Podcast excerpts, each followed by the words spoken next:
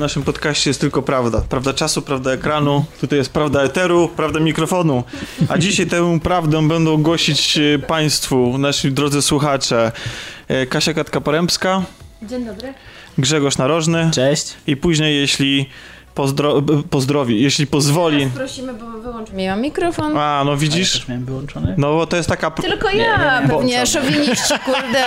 Bo to jest taka prawda, że tylko nasza prawda Jest najprawdziwsza. najprawdziwsza. Dzień dobry, witam się jeszcze raz po włączonym mikrofonie. Tak, to była Kasia Katka-Porębska, Grzegorz Narożny się przywita jeszcze raz. Tak, witam jeszcze raz, cześć. Ja jestem Tomek Pieniak. Jak pozwoli komunikacja miejska w Warszawie i praca, to dojdzie na, do nas jeszcze Cezary Nojszewski.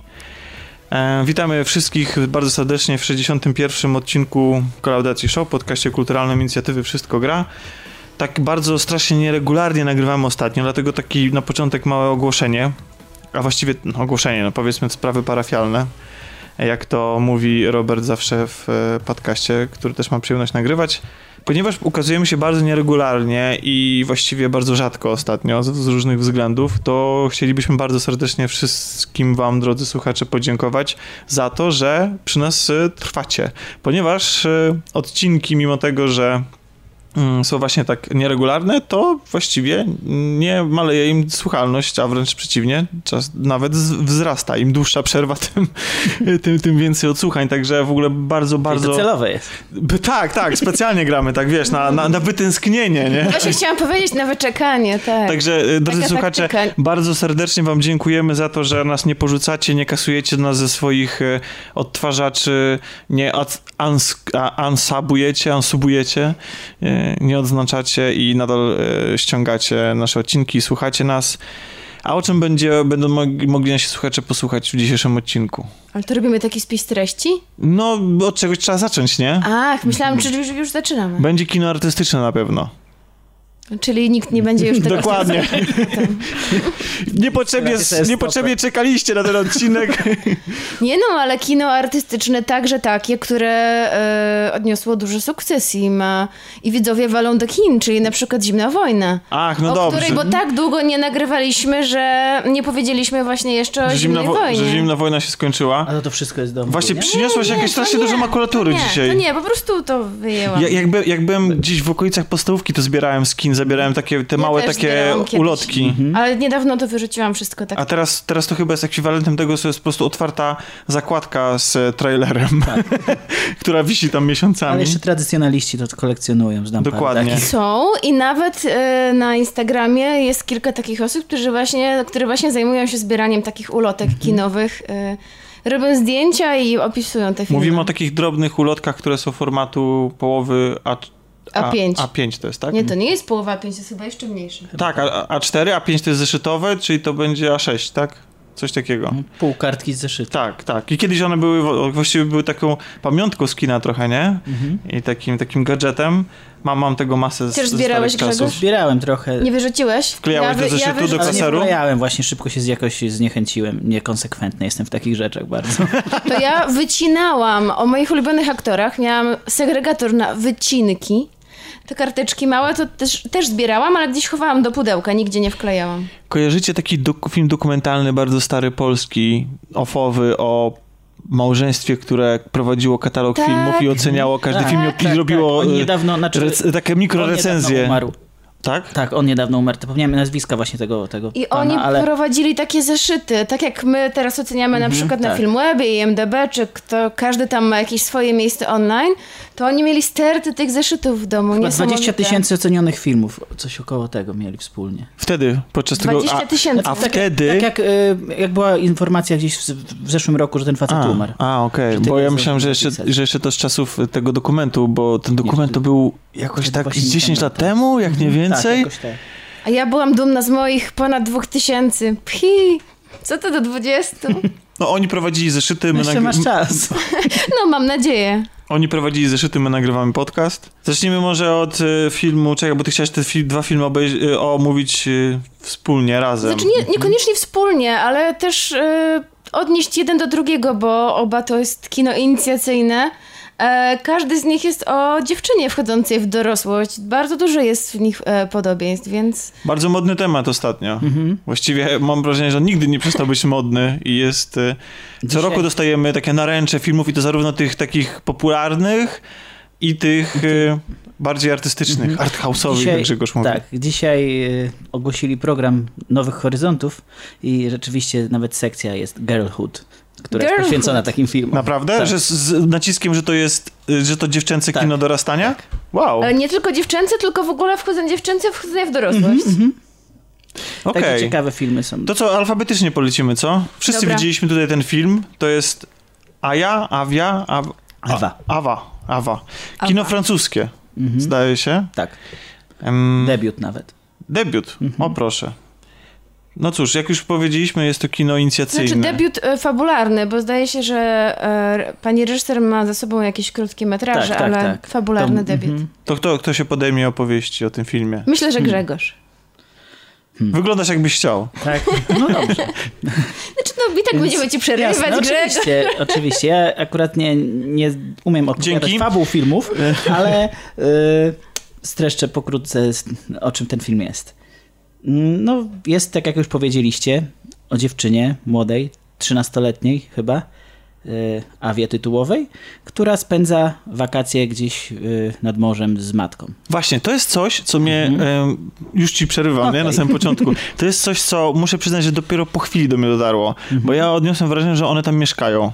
Ja też na początku tak myślałam. Ale potem. I czekałam, aż wyjadą. Tak, z, zwłaszcza, że jej matka obiecuje jej, że ze względu na specyficzną przypadłość, która właśnie została u tej dziewczynki uzdia- zdiagnozowana, chodzi o kurzą ślepotę, prawda? Tak. To postępującą. Opowiadać. No wiem, ale tak, choroba, postępująca choroba oczu. Która, Czy nie która wiem, czy to ma być kura ślepota, Właśnie ponieważ... nie wiem, jak, e, czy, czy, czy e, nazwali tą chorobę. Jest wspomniane, że ona na początku przestanie widzieć podczas ściemnia, po, w nocy i podczas e, zachodu słońca, ale że potem całkowicie straci No, wzrok. czyli taka Mhm. postępująca. No nie wiem, no i mi się to skojarzyło z kurzą ślepotą, Okej. tak? Czyli, e, czyli chorobą, o której wiem wszystko z serialu Jack, Wojskowe Biuro Śledcze, ponieważ główny bohater nie mógł być, czy przestał być pilotem i został prawnikiem ze względu na to właśnie, ze względu na kurzą ślepotę, czyli bardzo ograniczona widoczność po zmroku. Natomiast, no tak jak powiedzieliście, ta choroba tutaj postępuje i się rozszerza i prawdopodobnie będzie skutkowała tym, że dziewczynka straci wzrok zupełnie. I taki mamy punkt wyjścia. Tak. Lekarz informuje dziewczynkę i jej matkę, że być może to są ostatnie tygodnie jej widzenia. Dodajmy, że jest to matka wychowująca tą dziewczynkę samotnie, Tak, jeszcze I- z drugim dzieckiem. drugim dzieckiem jeszcze, takim małym. Takim, Ki- takim całkiem małym, nie wiem, kilkumiesięcznym czy kilkunastomiesięcznym. I bo nie dokończyłem tego zdania, mi się wydawało, że one tam mieszkają, Mhm. ale ona w pewnym momencie mówi do tej córki, że zafunduje ci tam wspaniałe dwa tygodnie wakacji i Tak. chyba po tym się zorientowałem, bo ja później czekam, że one gdzieś wyjadą, że coś się takiego stanie, Tak, tak. po czym tak naprawdę ta matka się w ogóle tą, tą dziewczynką nie interesuje, bo ma, podejrzewam, jakieś inne sprawy na głowie, między No, innymi romans... partnera. Właśnie, ma, ma romans i teraz jest pytanie, jeżeli to są wakacje, no to to właściwie był y, lokalny jakiś taki Tak, czarnoskóry lovelas, tak? Wydaje mi się, że to jest taka e, sytuacja. Um, one mieszkają w jakimś takim kurorcie. Więc podejrzewam, że co roku tam przyjeżdża nowy narybek. I ta matka prawdopodobnie co roku sobie jakiegoś tam wyrywa Możliwe, przystojniaka, ponieważ córka ma e, bardzo lekce, lekceważący stosunek do tego nowego partnera, więc tak sobie dobudowałam w głowie, też patrząc jak córka traktuje w ogóle seksualność matki. I ogólnie matka ma takie bardzo rozwiązłe podejście tak, do życia, tak. wydaje się. e, Bardzo wcześnie... i córce się też to nie podoba i tak Mhm. po tym, e, że matka raczej zmienia tych partnerów dość często. Tak, aczkolwiek ja odniosłem wrażenie, że to właściwie to ten partner jej, ją wykorzystuje tą matkę. Tak przynajmniej to przedstawiła ta córka, że, jakby, że, że to on ją, że nie wiem, może traktuje ją jako, Czyli trochę że jest takim utrzymanek, tak? Czyli trochę taki ciechocinek, tak? Że mamy To ja myślałem bardziej o, o wakacjach w Egipcie, ale okej. bogate starsze panie. No więc... Ym... Nie wiem, tak? W Ciechocinku tak jest, bo, bo mi się to ko- kojarzy... Tak, Ciechocinek to mi się swego kojarzy czasu- oczywiście z piosenką T-Raperów z Nadwisły. Oczywiście, ale czytałam swego czasu bardzo ciekawy artykuł właśnie o panach, którzy z tego się utrzymują. To znaczy, to są miejscowi panowie i e, co jest bardzo ciekawe, oni mają podobno taki niezbyt e, przystojny fizys i podobno czasami są bez zęba i różnie to bywa, ale biała marynara, taki wiecie, taki outfit a la disco polo, wyrywają starsze panie, które są zachwycone, że ktoś je adoruje. I panie sobie zdają sprawę, że to jest transakcja wiązana, ale one mają rozrywkę, tańczą razem na dancingach, coś tutaj im nadskakuje, a panowie zarabiają. No tutaj partner matki ma fizis bardzo ładny, e, przystojny. E, Mama zresztą e, również jest bardzo atrakcyjną i młodą kobietą jeszcze, bo urodziła swoją córkę bardzo wcześnie. No a córka dopiero swojej seksualności i atrakcyjności musi się nauczyć, bo wchodzi właśnie w okres dojrzewania. I co się dzieje? Kogo poznaje? W co się wplątuje?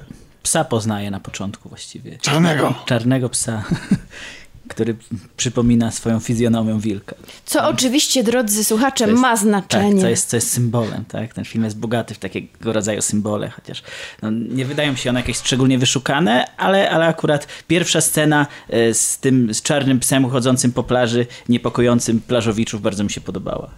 Tak, no, Wyjada jej frytki. Tak. Tak, oczywiście. Ale ten jest, ten jest faktycznie, jest takim, jest taką zapowiedzią e, tematyki i pewnej symboliki, którą za chwilę e, będziemy mogli oglądać na ekranie, związane właśnie z, z tą utratą wzroku zresztą Mhm.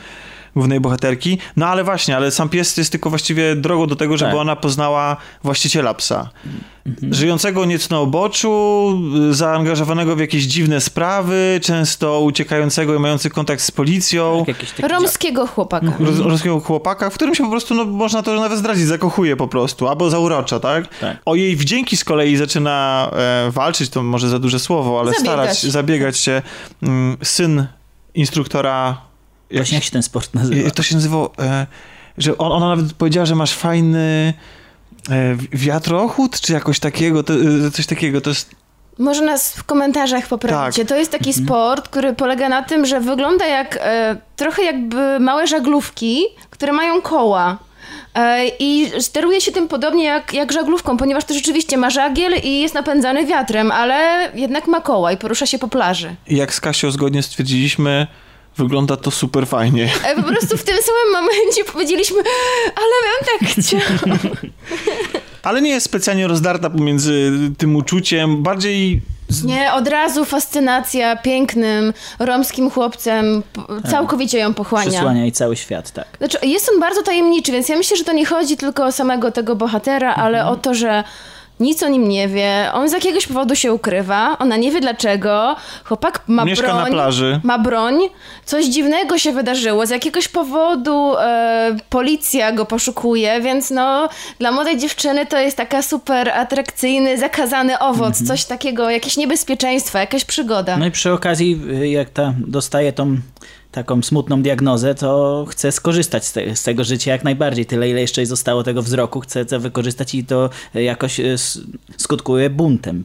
No właśnie, bo to jest bardzo Właśnie. zbuntowana dziewczyna. Tak. Mhm. Jak ona sobie mówi, że ona nic nie czuje, e, no oczywiście zapewne przesada, bo chociażby fakt uczucia do tego chłopaka o tym świadczą, czy właśnie złość na matkę. Złość na matkę, właśnie i kontakty z matką, one są takimi przeciwieństwami, prawda? Matka, jak powiedzieliśmy, jest bardzo taka zmysłowa, otwarta na seksualność, próbuje na ten temat rozmawiać z córką, a córka bardzo to krępuje, żenuje. Wręcz ją jakoś poniekąd do tego się. zachęca, do, do rozpoczęcia tak, życia tak. seksualnego. A córka tak. jakby zupełnie nie chce na ten temat z mamą rozmawiać.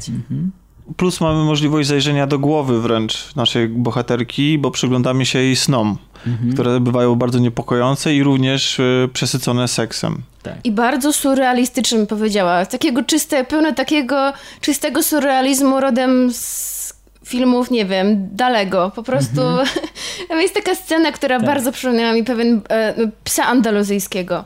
E, po prostu ten sen, e, jeden z tych snów bohaterki był taki, że ja, e, ja byłam zszokowana. To znaczy wiem, że to był tylko sen, ale są mocne. Mhm, tak, podobały mi się te sceny. Wydaje mi się, że film jest wyra- bardzo wyraźnie podzielony na akty i że te akty ew- są ewidentnie w zupełnie innej tonacji Tak. rozegrane, zrealizowane i też nawet gatunku. Bo mimo tego, że to jest niby kino inicjacyjne, to początek to jest właściwie taki dramat, powiedzmy, rodzinny, e, taka analiza właśnie mm, tej, tej, tej- tej rodziny, tej relacji z matką i tak dalej. Potem mamy romans, a końcówka, no to jest y, coś, co ostatnio mogliśmy oglądać chociażby w serialu y, The End of the Fucking tak, World. Bonnie and Clyde. Bonnie and Cl- and Clyde Tak. w wykonaniu... Kino gangsterskie drogi. Dokładnie. Jakoś e, moim zdaniem to wszystko się klei ze sobą. To nie jest tak, że te części są zupełnie oderwane od siebie.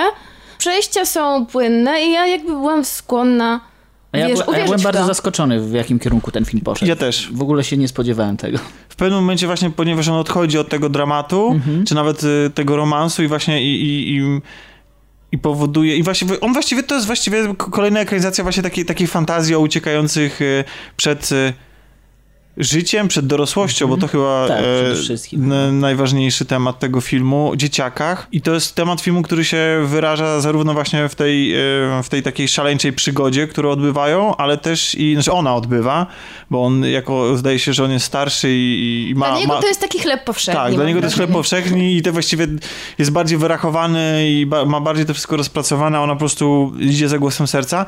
Natomiast no, nie da się tutaj uciec y, od tego, że film i ta choroba głównej bohaterki no, jest przesycony właśnie takim dosyć prostym symbolizmem.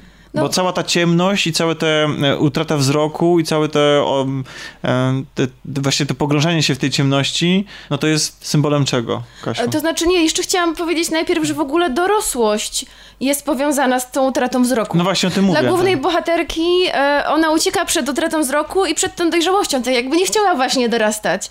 Ta czerń to jakby i, ten, i, i to zawężające się pole widzenia to jest coś takiego, czego ona się obawia i właśnie tak jakby ta jej szalona przygoda jest takim kurczowym trzymaniem się No tej tak. beztroski młodzieńczej. Ja to odebrałem właśnie jako, jako symbol dojrzałości, takiej, takiej stagnacji życiowej. No tak, ogólnie. tak, właśnie. Więc to jakby jest Tylko dość takiej, prosty symbol. tylko właśnie, prawda? właśnie nie wiem, czy stagnacji, co tyle, co właściwie, bo w jej oczach, przepraszamy za, za, za syreny, e, co w jej oczach właściwie takim, ona się tego boi przecież. Mhm. Znaczy, o, boi się, no, bo to jest mroczne. Tam zresztą Czerń w tym filmie występuje kilkukrotnie, nie, czy w, w różny, pod różnymi postaciami, bo mamy chociażby policjantów ubranych na czarno, Tak, i porównanych do Nazguli z Władcy Pierścieni bezpośrednio. tak. E, mamy właśnie to, te, te, te, te jej utraty wzroku, to widzimy czasami jej oczami, jak, jak to wygląda. I, Mamy czarną farbę. Czarnego psa. e, Na Dokładnie. czarno pobrudzone dłonie, czarny pies. no właśnie. więc dla niej ten mrok, ona próbuje go oswo- oswoić. E, Zresztą w pewnym momencie stwierdza, że w ogóle będzie trenowała inne zmysły, co też jest dla mnie takim właśnie taką, przed, tak jak to u nastolatków dorastających, przedwczesną próbą wejścia w tą dorosłość i, po, i porzucenia tego, tego dziecięcego życia i już od razu spróbowania tego, jak to jest być dorosłym, co jest oczywiście niemożliwe i jej się też, też średnio udaje zresztą e, i bardzo ryzykowne. Więc to jest taka prosta metafora. Podobała ona się wam? No, nie do końca mnie przekonała, szczerze mówiąc. Właśnie zabrakło mi jakiejś takiej może, może bardziej subtelnej metafory, bo ona była dosyć...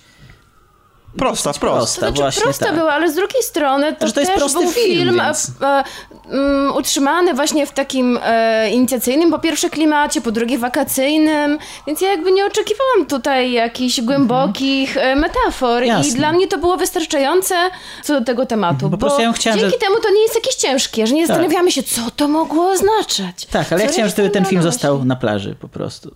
A, okej, rozumiem. A I widzisz, później... ja na przykład, y, ja na przykład doceniam go za trzeci akt. Za ten, za, no jasne, to wszystko, co było wcześniej mi się podobało, natomiast doceniam go właśnie za to, w jaki sposób on, za to, że możemy na przykład obejrzeć z bliska wesele romskie, e, czy tą społeczność żyjącą w, we Francji. Nie wiem, jak ona wiernie jest Wesele było świetne, świetne Tak. moim zdaniem. e, z, zrealizowane i bardzo podoba mi się zakończenie tego filmu. Jest, e, nie będziemy zdradzać, ale to w jaki sposób e, żegnamy się z tymi bohaterami. Chodzi o tak zakończenie, zakończenie. Ostatnio... Takie, o, os- ostatnia scena i ostatnie ujęcie. Aha, tak, to jest wzięte z y, 400 batów chyba. Mhm. Znaczy, znaczy, bardzo mi się skojarzyło przynajmniej z tym filmem. Bardzo plastyczne, bardzo właśnie. To, to właśnie jest ta subtelność, która mogła w tym filmie y, częściej występować. Tak. Gdzie operator y, z reżyserem jakby współpracują już na takim poziomie, gdzie wy- wykorzystują elementy oświetlenia otoczenia do tego, żeby powiedzieć nam o stanie y, głównej bohaterki, również fizycznym. I, i, i te ostatnie, to ostatnie ujęcie też mi się bardzo podobało. A jak wam się podobał w ogóle naturalizm w tym filmie? Bo on jest dość odważny, nie? Epatuje na gościom dosyć tak Właśnie, tak, nie mo- nie możemy o tym no to zapomnieć, kino tak. europejskie, oczywiście, więc to... To był, ale... Jest skandal związany z tym, że e, bo bohaterka, znaczy aktorka ma skończone 18 lat, ale gra Ale 13 gra lat. 13-latka, a jest jednak sporo nagości. Ale Tak, ona- rozmawialiśmy o tym z Tomkiem i stwierdziliśmy, że sceny, w których występuje jej nagość, nie są erotyczne. Nie są E, wulgarne nie na są, zm- nie są zmysłowe. Ona nie jest tam pokazana w sposób taki seksualizowany seksualizowany, który ma nas pociągać. Jeszcze, jeszcze tylko powiem, powiemy, że ta nagość to nie jest nagość w trakcie uprawiania seksu, Mhm. tylko to jest nagość na przykład, kiedy ona się przechadza plażą i widzimy ją po Mhm. prostu rozebraną zupełnie. Jest za to scena, o której też rozmawialiśmy, kiedy ona w pewnym momencie tańczy na jakiejś autostradzie czy na ulicy. I moim zdaniem ta scena, kiedy po prostu kamera prześlizguje się po jej nogach i pokazuje ją w taki inny, może bardziej dorosły sposób, jest to wiele bardziej zmysłowa niż sceny, kiedy ona wcześniej jest pokazana całkiem Nie, nago. nie tyle dorosły, co moim zdaniem teledyskowy. I ja tak, na bo, tam przykład... jest, bo tam jest sporo takich teledyskowych w ogóle momentów. Chyba y, ten, ten moment, kiedy ona biega z tym chłopakiem po plaży wymalowana, no to, to A, no było, to nie było. To, to, teledysk. to, to, to jest właśnie taki mm, wręcz y, czerpie garściami z postmodernizmu Tak, od tak. Tarantino czy, czy tak, Rodrigueza. tak, jeszcze ekran dzielony na dwa, Mhm. tego typu zabiegi. Tekst piosenki w ogóle jest tak, tak łopatologicznie odwzorowuje. To jest chyba jedyna, jedyna piosenka, która w ogóle jest przetłumaczona. tak, tak, ona jest chyba po angielsku w ogóle, ta A, piosenka. ja, nie, ja nie byłem zgorszony tymi scenami na gości. ja też absolutnie Mi to, nie. bo, ja, bo uważam, że ona właśnie nie była, ta jej seksualność nie była podkreślana w żaden sposób, tak? Że, że my na Mhm. nią patrzymy jako na obiekt seksualny, tylko jak po prostu jako na, na, na ciało trzynastolatki. Bardziej Natomiast to był jakiś taki symbol, nie wiem, wyzwolenia się z, jaki, z jakiejś tam codzienności, z buntu. Może, a może też oswojenie się z własnym No, ciałem, też tak? może. Bo Kasia zwróciła mi na uwagę na to... O, Tomek na początku filmu, e, a tak się dziwiłeś, czemu tak się zakrywa, tak? Bo pierwsza nie, ja scena... się, ja się temu nie dziwiłem, ale ty mi o Mhm. tym powiedziałaś, że... Pierwsza scena filmu jest taka, że ona chodzi w kostiumie na plaży i ma skrzyżowane ręce i zakrywa swoją klatkę piersiową, tak. Mm, Tak. No nie i Kasia powiedziała, no bardzo często to robiła. I Kasia mi powiedziała, że to ze względu na to, że tam dorastające dziewczynki się wstydzą albo nie, jeszcze są, nie są przyzwyczajone do swoich piersi, które rosną. tak, Tak, i po prostu czują zakłopotanie i mam wrażenie, że po prostu to im się na razie nie, nie podoba, jeszcze to nie jest ich ciało. I ona na początku może filmu tak. jest zawstydzona tą swoją rodzącą się kobiecością, a jest- są momenty, które po, w, w drugim akcie filmu, kiedy ona po prostu zadziera koszulkę do góry, No tak. świadoma tego, jak... Już jest trochę świadoma e, własnej tak, seksualności, dokładnie, o to chodzi, to- świadoma mhm. tego, jak zadziała to na drugą osobę. Robi to z pełną premedytacją. I ja ani przez sekundę w grze aktorskiej nie zauważyłem tego, że to jest dorosła osoba.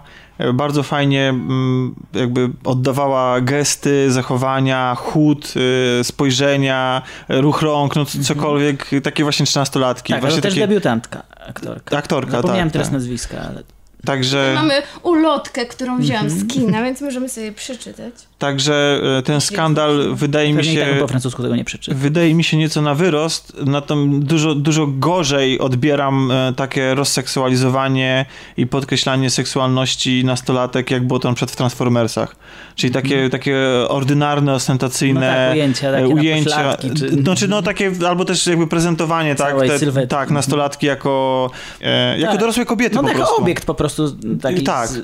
Tak. Zresztą w ogóle tutaj e, to jest ciekawe, bo nawet na tym, e, na tym obrazku, no w sensie na tej, Na na tej ulotce. możemy zobaczyć ją właśnie e, w pełnym negliżu. Tak. Więc... A wiecie w ogóle, jak, jak to się stało, że ten film znalazł się w polskich kinach? Bo to jest efekt projektu Scope 100. Y, Nie wiem, słyszy, czy słyszeliście o tym projekcie. Opowiadaj. Bo ja brałem w nim udział nie akurat nie w tej edycji, tylko w poprzedniej. To jest zrealizowane To przez... dzięki tobie. No ten akurat nie, ale Czerwony Żółw poniekąd. Uuu, dzięki Grzegorz. dzięki. Tak, wszyscy Jednym, teraz tak z, jednym z tych 100 osób byłem. w komentarzach podziękujmy Grzegorzowi. Tak, za Czerwonego Żółwia. Czerwony żółwik Grzegorz. Okej, em, wracając, ten, ten projekt polega na tym, że właśnie 100 wybranych osób, które się zapisały, w ogóle organizowany przez Gutek Film to jest projekt, y, mieliśmy do wyboru tam chyba 6 czy 5, już nie pamiętam, filmów y, takich właśnie, które sobie gdzieś tam jeździły po festiwalach albo jeszcze dopiero będą jeździć i który z nich, mieliśmy głosować, który z nich ma wejść do dystrybucji w Polsce. O, No i to jest- ostre sito było. Tak.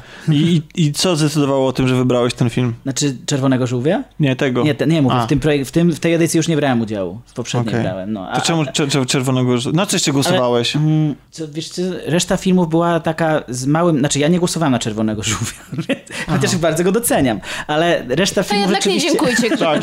Reszta, zresztą e, te filmy były z małym dosyć potencjałem komercyjnym, a organizatorzy trochę naciskali na to, żeby jednak e, to był film, na który pójdzie więcej niż 200 osób, nie?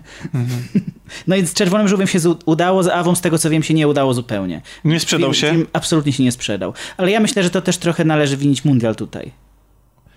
Wiesz co, ja myślę, że wydzielić należy wakacje. Nie udało No też. się, to znaczy, że poszło na niego mniej niż 200 osób? Nie, nie, nie.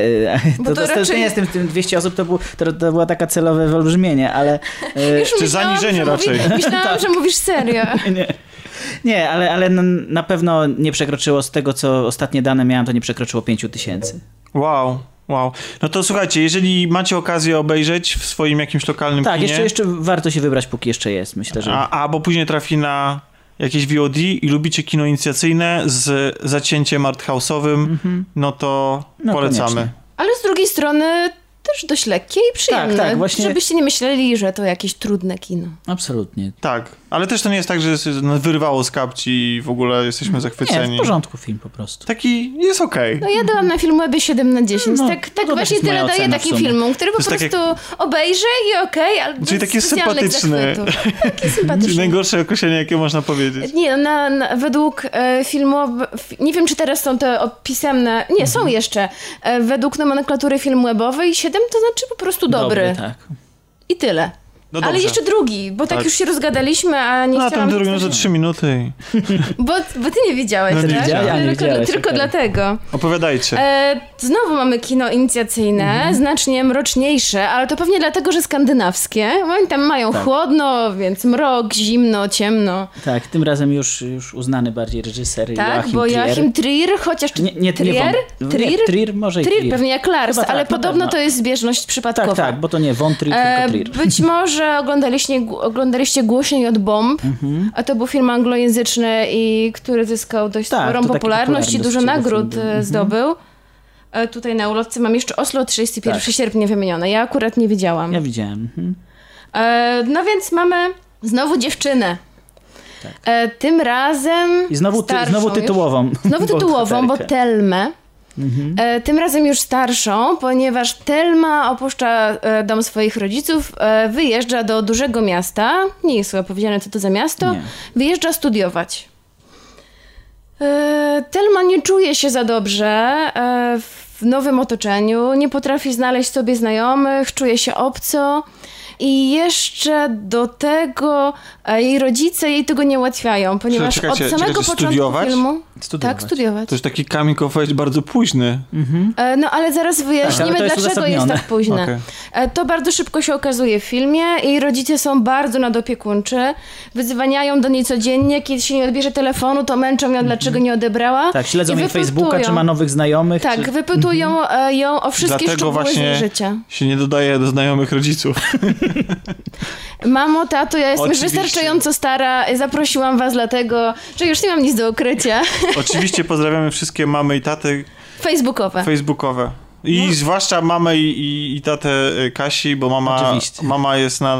Kasi I jest, udziela się na we wszystko gra. dokładnie jest na naszej grupie. Nie tylko i lajkuje wszystko, jak leci na, e, na, na Instagramie i w ogóle. I no, i kochana mama. No dobra, ale wracamy tutaj e, do tych rodziców. No więc, dla, tak jak powiedział Grzegorz, no to jest uzasadniony ten późny coming of age, ponieważ rodzice tak bardzo nadopiekuńczy nie ułatwiają tego e, bohaterce. Oni nadal e, nie chcą jej wypuścić, co jest być może trochę uzasadnione, czego się dowiadujemy później. Tak, no- Ale Grzegorzu, na początku się dowiadujemy o dość sporo o ich religijności, prawda? Tak, tak, że są wręcz fanatycznymi chrześcijanami. Chyba protestantami, no to też chrześcijanie, tak, ale to jakiś protestancki odłam. Tak, tak mi się wydaje. Mhm. Córka ma do swojego ojca taki dość specyficzny stosunek. Mam wrażenie, że ona traktuje go trochę jak spowiednika. To jest Tak. taki terapeuta-spowiednik. E, Ma też bardzo do niego nabożny, też taki stosunek i też mm, ma wyrzuty sumienia. Jeśli ona sama uważa, że zrobiła coś źle, to czuje się w obowiązku od razu powiedzieć Po- o tym wszystkim tak, tacie. poinformować ojca. poinformować ojca, który przy- przy musi ją rozgrzeszyć, prawda? Tak, Dopóki nie dostanie rozgrzeszenia, to, e, to czuje się Mimo, z tym że bardzo u źle. protestantów nie ma spowiedzi usznej, to No właśnie, ale ona jakby w ich rodzinie jest jakiś taki Tak. zwyczaj. tak. E, no i co? W pewnym momencie coś się zmienia w życiu bohaterki. Grzegorz, to może teraz tobie oddam Znaczy głos. ona, ona w ogóle od początku jest pokazane, że ona cierpi na, na jakąś tam przypadłość, w sumie nie, niezdiagnozowaną. E, jednej z pierwszych scen dostaje na zajęciach ataku, który przypomina padaczkę i, i ogólnie ma, ma właśnie tego, tego typu problemy, oprócz, oprócz właśnie swojego wyobcowania. No ale, ale jakoś y, udaje jej się nawiązać kontakt z koleżanką z, nie wiem, z roku, czy można powiedzieć z roku, czy skąd ona tam jest, no nieistotne. Ale chyba inny kierunek, może, tak, możliwe, ale czy, tak. mam wrażenie, że jej, tak jak powiedziałeś, problemy zdrowotne Mhm. rozpoczynają się w tym samym momencie, w którym ona poznaje Poznaje ową dziewczynę. dziewczynę. E, To jest jakby ściśle powiązane. Mhm. I im bardziej ona e, zacieśnia stosunki z koleżanką, e, chyba mogę powiedzieć, myślę, że to nie będzie spoiler, Myślę, że że nie. jest nią zafascynowana mocno erotycznie tą koleżanką Mhm. i nawiązuje się między innymi coś na kształt romansu, to tym bardziej pogłębiają się mm, ataki Mhm. naszej bohaterki. E, I ona tego chyba nie wie, ale my jako widzowie widzimy, że ataki bohaterki też są powiązane z jakimiś dziwnymi, nadprzyrodzonymi e, wydarzeniami. To znaczy, mamy wra- mam, ja miałam wrażenie, że ona ma, to coś, kojarzyło mi się to z serialem Legion, że ona nie zdaje sobie z tego sprawy, że ma jakieś Mhm. Tak, takie... jakieś paranormalne zdolności. tak, które, tak jakieś takie fizyczne. Ale to wszystko się odbywa na poziomie abstrakcji i metafory, czy wszystko jest takie Mm, Wiesz wprost? Co? Musiałbym... Bardzo metafory. Tak, Okej. To znaczy, Czy to nie jest tak, że ona faktycznie ma te moce? tak, tylko- znaczy, E, znaczy to- wiesz, no właśnie, tu byśmy musieli wejść w e, taki E, na Byśmy musieli grunt bardzo też troszeczkę. spoilować, e, ale do pewnego momentu nie wiesz. I, I do tego momentu mi się film bardzo podobał. Bo my z Grzegorzem mamy duży rozdźwięk, jeśli chodzi o cenę tego filmu, Tak. więc zaraz, zaraz będziemy się bić, już tu pociągamy rękawy. A to film jest zresztą bardzo podobny do tego poprzedniego, tak? Takie Tak, podobne tak. zabiegi stosuje. Choroba. E, e, podobne zabiegi, ale jednak e, jest więcej symboliki. On w ogóle tak E. e, wykorzystuje m, trochę poetykę horroru. On, on tak Nawet cał- nie trochę, myślę, że w znacznym stopniu stosuje, oprócz jumpscarów, stosuje bardzo podobne tak, metody. tak, buduje napięcie w horrorowy sposób typowo, a jest, a jest prześliczny ten film. Jest przepiękny. Ujęcia są takie, że można po prostu tylko patrzeć z otwartymi ustami Mhm. i się napawać. Nawet jeśli film nam się nie podoba, to w jakiś sposób operuje właśnie barwami, Tak, tym świetnie. stalowym błękitem, albo po prostu ujęcia. Uwielbiam takie ujęcia z góry, Mhm. kiedy na początku widzimy plac pełen ludzi, mróweczek. To jest początek filmu. Nie wiemy jeszcze, kto będzie bohaterem i kamera powoli zbliża się w kierunku naszej bohaterki, ale jeszcze nie jesteśmy pewni, czy to mi się, będzie mi się ona, bardzo czy nie. podobało te, chyba jedno z pierwszych ujęć spod lodu. A, no tak, bo jeszcze, Tak. jeszcze nie powiedzieliśmy o pierwszej Pier- scenie, pierwsza o prologu, jest- bo ja tak. to ominęłam, bo to... Ja, ja mm, ominąłem to, no nie wiem, czy to, znaczy trudno powiedzieć, że spoilerem jest pierwsza scena, ale no jakoś nie na kiedy- jest, ale pierwsza scena, czyli prolog, e, opowiada o sytuacji z dzieciństwa bohaterki, kiedy wychodzi ona z ojcem chyba na polowanie, ponieważ tak niesie on jakąś taką strzelbę, snajperkę. Tak, są jelenie w pobliżu, E, więc... idą, co jest bardzo ważne dla dalszej e, części filmu, idą oni po lodzie, e, wchodzą do lasu i dostrzegają sarnę. No sarnę, może jelenie. I ojciec sarnę. e, celuje do sarny, a w pewnym momencie przenosi muszkę, to się nazywa? No nie wiem, przenosi cel i celuje W córkę. w kierunku głowy swojej córki. I w pewnym momencie się załamuje, widać w, niego w nim bardzo silne emocje i, i rezygnuje. Taki motyw z Królewny Śnieżki typowo. Tak, dokładnie. Łowca zabiera. Mhm. Zastanawiałam się, jak ona jest ubrana, czy ma pelerynki, ale nie, ma różową Nie, nie ma, kurteczkę. mhm. E, W ogóle ten film jest pełen takich motywów, jak powiedział Grzegorz, z baśni, z Mhm. Biblii. No już nie można być bardziej wprost. E, W momentach grzechu e, po bohaterce pełza wąż. E, czarny wąż. E, No dobra, to już jest ten, to jest ten moment, takich w właśnie... którym muszę zadać to pytanie. Tak. To tobie się podobało, a Grzegorzowi nie, czy odwrotnie? Tak. To znaczy, Właśnie mi się tak. podobał bardzo, a Grzegorzowi nie, bo Grzegorz uważa, że od połowy był zbyt No, zbyt, zbyt wprost. Tak, Tak, Był, był strasznie łopatologiczny i się e, właśnie z jakiegoś takiego ciekawego kina inicjacyjnego stał się to moim zdaniem takim trochę podrzędnym, wręcz B-klasowym thrillerem. No, zszokowało mnie to, szczególnie, że tak przeglądałam inne opinie i oceny, wszyscy są zachwyceni, ale Grzegorz to hejter. To Trochę może tak. nie no, e, rozumiem to, że rzeczywiście film w pewnym momencie schodzi na tory bardziej kina gatunkowego I- i I, za- I, coraz bardziej się staje właśnie takim filmowym legionem. Tak. E, coraz bardziej widzimy zmagania dziewczyny z tym, co ma w środku. Ona zaczyna sobie uświadamiać, kim jest, co Mhm. jest, a jeszcze jest jeden symbol, o którym nie powiedzieliśmy. E, ponieważ tak jak Awa miała, bała się tej dorosłości, e, tak nasza bohaterka Telma jeszcze walczy ze swoją, e, właśnie swoją wpojoną jej tą taką religijnością i poczuciem winy ogromnym. Ona straszliwie cierpi za każdym razem, kiedy jej zdaniem popełni grzech, kiedy się napije alkoholu, kiedy ma lubieżne myśli wobec koleżanki.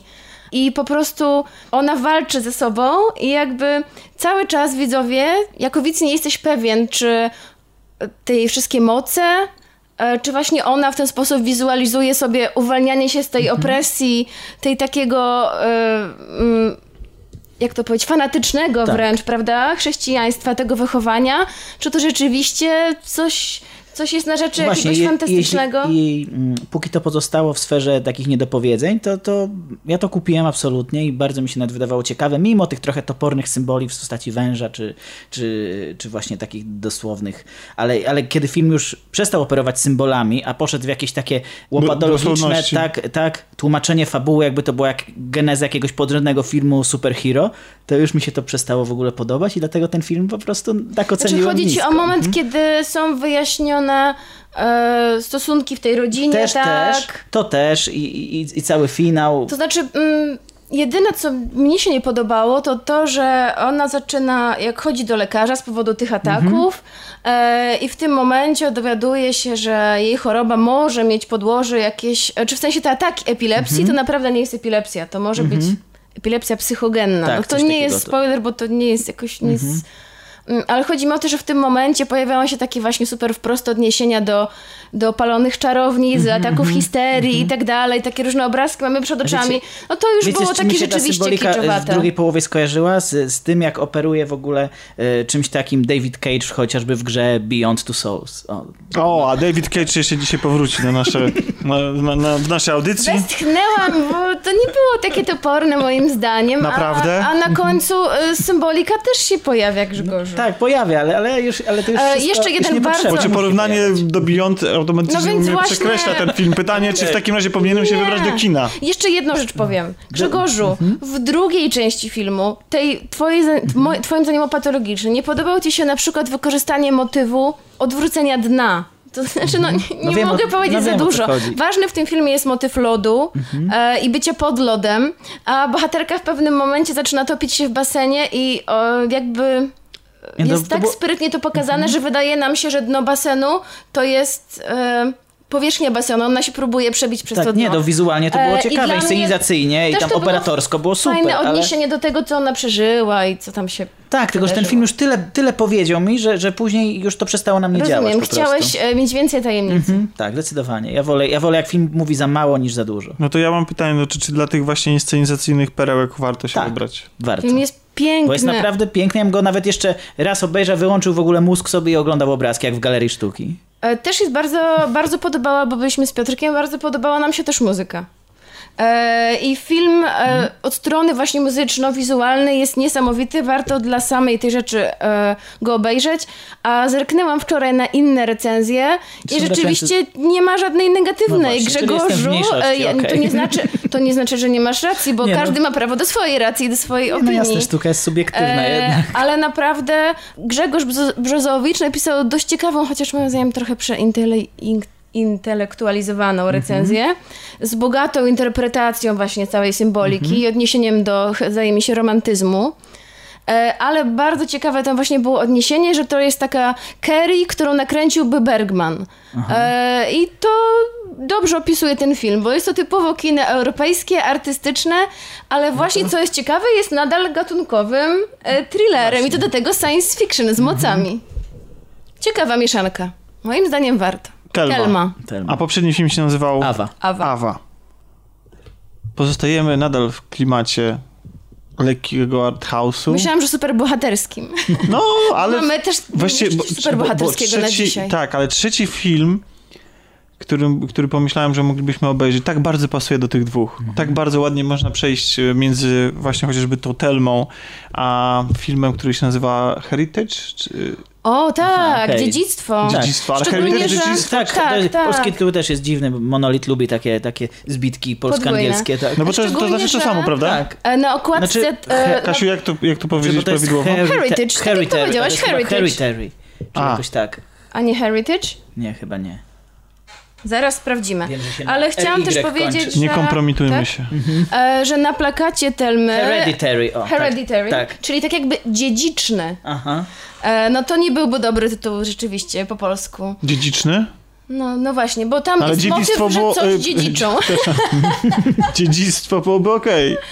Dziedzictwo tak, jest, ale Jest, nie, jest hereditary, kropka, dziedzictwo. e, nawet m, e, motyw ptaków, który pojawia się w obu filmach jest bardzo, bardzo podobny. Mhm. Tutaj główna bohaterka ma też silną więź e, z ptakami. A piękny plakat e, jest z tego filmu też, Telmy. Do Telmy, no właśnie mówię o tym plakacie Tak. i ten martwy ptak leżący na twarzy. Na twarzy jest bardzo A zresztą ładny plakat. Wiem, że mm, drogi Piotrze Ziętalu, nie lubisz mnie za to, co powiem i że oceniam e, pod tym względem aktorki, ale aktorka, która gra w filmie Telma jest tak prześliczna. Ona mi bardzo- Nie mogłam oderwać tak? od niej wzroku. Główna bohaterka, Tak, mówisz. Ona ona mi- prawie nie ma w ogóle make-upu, a po prostu jest, ma wiesz, tak kogo, magnetyczną Wiesz, kogo ona twarz. mi przypomina? Młodą Izabeli Per bardzo. O, to też, chociaż nie ma tych takich piegów No tak, i ale, ma ale, inne ale, jak, typ ale, jakiś, ale jakoś coś... Też coś- taki magnetyzm ma w sobie. tak. Naprawdę, Tomek, taki bardzo naturalny typ urody. Bardzo naturalny. E, I tak po prostu ona nie potrzebuje żadnego make-upu. Jest, patrzysz na nią i myślisz sobie, ale piękność. I już, dobra, dziedzictwo. Dzie- Sup- czy- Dziedzictwo. To właściwie technicznie horror sponsorowany przez literkę A i przez cyferki 2 i 5. Tak? Zdaje się, bo to jest ta... 24. 24. 24, przepraszam, 2 i 4. E, bo to jest e, wytwórnia, No tak. która jest do tej pory znana nam była z e, takich horrorów, które się bardzo mocno przyjęły. Jak to Grzegorz lubi określać post-horrorów, Post-horror, tak. takie, które niby straszą, ale, takie, ale tak nie do końca. Znaczy one nie straszą, ale nie do końca po to, żeby nas przestraszyć, a bardziej po to, żeby opowiedzieć coś o kondycji człowieka, bohaterów, zajrzeć im w głowy za pomocą tej horrorowej metafory. I e, to jest horror, na który wiem, że bardzo mocno, bardzo długo i intensywnie czekał też Tomek Dziel. My się na niego wybraliśmy z Kasią. Grzegorz, ty też byłeś? Też byłem. Też byłeś. Jak już usłyszeliście, że to jest post-horror, to mo- moglibyś, to, to, to, to pewnie myślicie, że to jest właśnie jakieś takie artystyczne... Właśnie ostatnio się kłóciliśmy ze znajomymi, czy to jest post-horror, czy to jest klasyczny horror jednak i to była dyskusja bardzo długa i burzliwa, wiele osób się obraziło. I... Naprawdę? No proszę, nawet o filmy można się obrazić. No czy to, O, i to, to nawet o definicji, o gatunku. No wiesz co, no bo prawdę mówiąc, ten, y, ten horror robi y, coś takiego, mm, że przez większość czasu nie potrafi się zdecydować, co jest absolutnie jego plusem, to znaczy W sensie e, gatunkowym, gatunkowym, tak? tak. Jest dramatem. Czy jest dramatem, czy jest horrorem, a potem obiera którąś ze stron. Decyduje się, co, czym właściwie jest, ale o tym sobie za chwilę do tego przejdziemy. Wtedy, kiedy, Zajmiemy się e, najpierw tą... kiedy jest horrorem, jest rzeczywiście horrorem klasycznym. Właśnie nie jest horrorem klasycznym właściwie. Wydaje Znaczy, mi się, że jest, no- ale musiałabym za dużo No, zdradzić. znaczy inaczej, on po prostu w tej swojej pierwszej części tak bardzo balansuje pomiędzy właśnie takim horrorem sugerującym nam, że tak naprawdę te rzeczy się dzieją naprawdę i, to, i tam są jakieś strachy i są jakieś niestworzone rzeczy, a tym, że ej, a to może tak naprawdę wszystko wynika z tego, że ci bohaterowie no, mają jakieś pewne problemy psychiczne, a to wszystko tak naprawdę jest metaforą, że my przez większość seansu nie wiemy, po której stronie stanąć i jak ocenić ten, i może stąd wynika właśnie ten problem, ale zajmijmy się najpierw tą, Okej. e, tym, tą pierwszą częścią i tym, że Tak, i dlaczego w mają pierwszym te akcie to jest dramat. psychiczne. Tak, i to też w pierwszej części to jest właśnie dramat. No to jest świetny dramat rodzinny w ogóle. W, A jaka to jest rodzina? Części. Jaka rodzina? No trochę dysfunkcyjna. Kasiu, To znaczy jest to rodzina po strasznej traumie. I rodzina, która próbuje Nie sobie z tą... e, No tak, to już znaczy później. mam wrażenie, że jakby pakiet traum sobie na tą z- rodzinę jest wykorzystany w pełni. Najpierw umiera babcia e, i widzimy od razu na samym początku filmu, film rozpoczyna się nekrologiem, e, wyglądającym jak nekrolog z gazety, e, więc od razu wkraczamy w sytuację bardzo kryzysową. E, o- babcia, która umarła jest mamą filmowej mamy właśnie. Nie dziwimy się w związku z tym, że przeżywa ona w tym momencie bardzo silny kryzys. Oprócz tego ważne jest, że jest ona artystką, E, I jest ona w trakcie wykonywania takiego projektu, który polega na stworzeniu takich cyklu miniaturowych makiet. Takich makiet. Pozdrawiamy Basię. A Basia robi makiety? Basia robi makiety, Basia jest, znaczy nie nasza Basia, tylko Basia od e, Piotra Kuldanka? Nasza bohaterka tutaj e, przelewa swoje Tak. stany psychiczne i swoje traumy na, te, e, na te swoje makiety. No jest to jej projekt artystyczny, Tak. z przeznaczeniem do galerii, więc ona w to rzeczywiście wkłada, e, to nie jest taki rzemieślniczy projekt, prawda? Ona wkłada w to rzeczywiście siebie e, i bohaterowie ty, tej jej malutkie laleczki odgrywają sceny z ich prawdziwego życia. A jakie to jest życie oprócz tego pogrzebu? To jest rodzina składająca się z mamy, z taty i z dwójki dzieci. Tak. O ile syn wydaje się być e, typowym nastolatkiem, który generalnie niespecjalnie emocjonalnie, przynajmniej tak oficjalnie angażuje się w życie rodzinne, e, lubi chodzić na imprezy, ale jest też pos- w miarę posłusznym dzieckiem, o tyle jego siostra, i nie wiem ile ma lat, 10 mniej? Jakoś wygląda mniej więcej. sporo młodsza. Wydaje się być dziwna już od samego początku. Na pewno ma pewne neurotyczna. tiki- Tak, ma pewne tiki, wydaje pewne dźwięki. Zamknięta w sobie, mm, nie, nie za bardzo w szkole e, w ogóle kontaktuje się z rówieśnikami. Spędza, lubi spędzać czas sama, Nocuje na przykład na Dowiadujemy się- poddaszu. A nie w takim E, prze- domku. Tak, przepraszam, to w domku, tak. w domku tak, w ogrodzie, e, na drzewie. E, Wiemy z, późniejszego, e, z późniejszych scen, że też miała ona bardzo silny kontakt z babcią i z tą babcią spędzała właśnie bardzo dużo czasu. No nie tylko spędzała z nią czas, ale właściwie ta babcia zastępowała jej w pewnym momencie matkę, bo to też nie jest specjalny spoiler, że, ta, o, że o babci dowiadujemy się, że była też specyficzną mamą, która chciała wręcz, żądała w, zastępować matkę swojej wnuczce, tak? W sensie, że, że e, i, i, ta, i im więcej się dowiadujemy o tej Znaczy, oni rodzinie, tam mieli tym... w ogóle jakieś takie toksyczne relacje i kwestia tych dzieci też jest bardzo zagadkowa i dziwna. im bardziej poznajemy tą rodzinę w tym pierwszym akcie, tym bardziej jesteśmy trochę przerażeni, ale tym bardziej współczujemy i w momencie, w którym pojawiają się pewne niepokojące symbole, na przykład widzą jakichś dziwnych ludzi albo zjawiska, e, które mogą niepokoić. ptaki. Tak.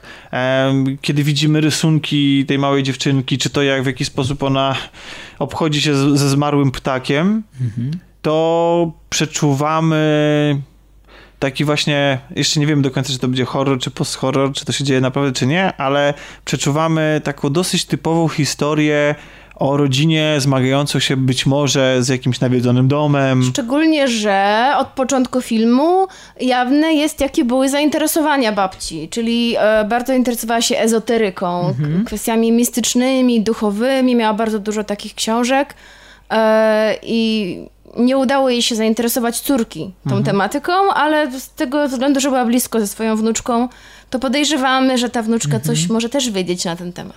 A potem następuje pewien zwrot akcji, którego tutaj nie zdradzimy, który na mnie wywarł ogromne wrażenie. Ja, wrażenie, ja chyba nie, nie potrafię sobie wyobrazić, żeby on nie wywarł na kimś e, wrażenia. To jest taki twist, którego się kompletnie nie, kompletnie nie spodziewamy, bo nagle się okazuje, że to, co przypuszczamy, że ten cały film i... Którą i, drogą on podąży. Tak, i to zarówno w warstwie dramatycznej, jak i horrorow- horrorowej, każdy ma jakieś tam przypuszczenia, nagle się okazuje, że to zupełnie, że, że ten twist wprowadza ogromne zamieszanie i dokłada do tego i tak ciężkiego filmu taką wagę emocjonalną, że że ja nie wiedziałem jak nawet, jak to oglądać. Naprawdę. Tam w momencie, w którym następuje pewien dramat, tak? Pewien, pewien wypadek powiedzmy, to ja autentycznie nie wiedziałem, jakbym, ja sobie, ja sobie już nawet, ja sobie nawet nie wyobrażam, jak ja bym postąpił w tej sytuacji, która miała miejsce, ale jakbym był scenarzystą czy reżyserem tego filmu, autentycznie nie wiedziałbym, w jaki sposób mam napisać albo wyreżyserować ciąg dalszy. W jaki sposób napisać tych bohaterów, w jaki sposób wyreżyserować sceny, co oni mają właściwie zrobić, jak oni mają się zachować.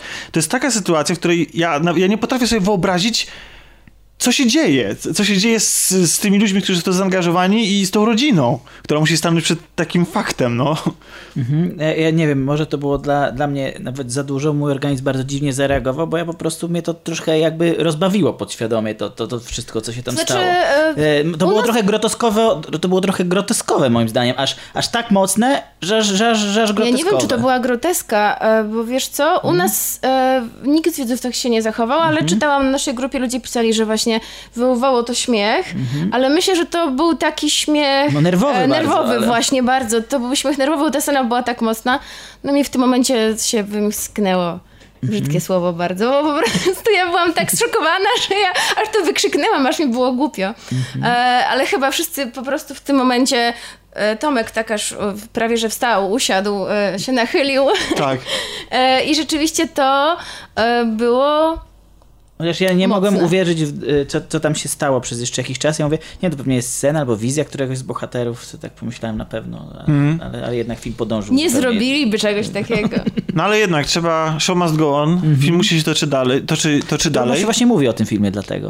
mm, Że, Tak? Przez, znaczy, tą scenę? Przez... tak, znaczy, żeby nie zdradzać, po prostu bez spoilerów się trudno A. mówi. A, tak, to prawda, ale wiesz co, właściwie no, bądźcie przygotowani na szok w kinie, jeśli się wybierzecie.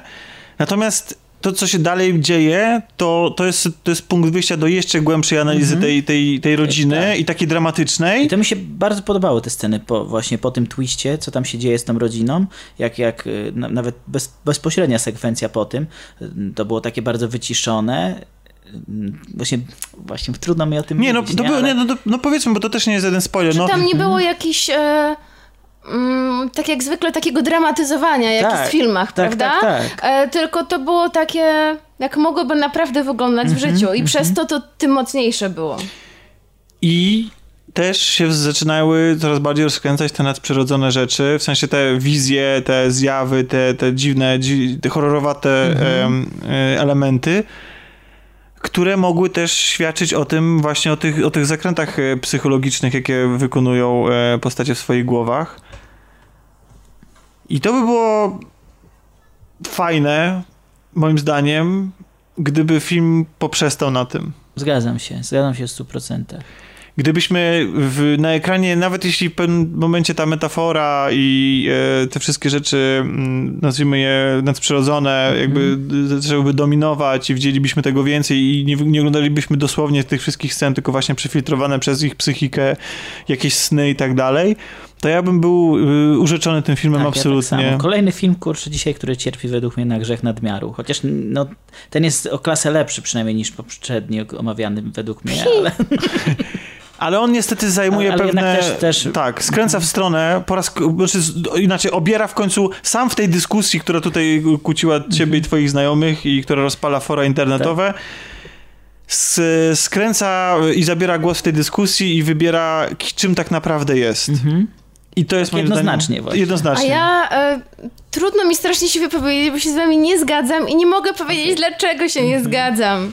No i znaczy, może tu się rozbija o to, że E. ja nie jestem fanem horroru jednak. A właśnie, widzisz, ja długo nie byłam, Mhm. bo ja jestem wrażliwa i strachliwa i długo bardzo bałam się, że mm, kiedy zacznę oglądać horrory, to będę miała straszne sny, jakieś traumy i tak dalej, ale ludzie mi zaczęli polecać Mhm. e, różne filmy i ja zaczęłam się zagłębiać w klasykę horrorów i po prostu wiem, że film w pewnym momencie zrobił się wprost, ale jakby zrobił to w taki sposób, który mi się podoba. Skręcił w tę stronę, którą ja akurat w klasycznych horrorach lubię i mam wrażenie, że odnosił się on w taki bardzo jawny sposób właśnie do tych klasycznych horrorów.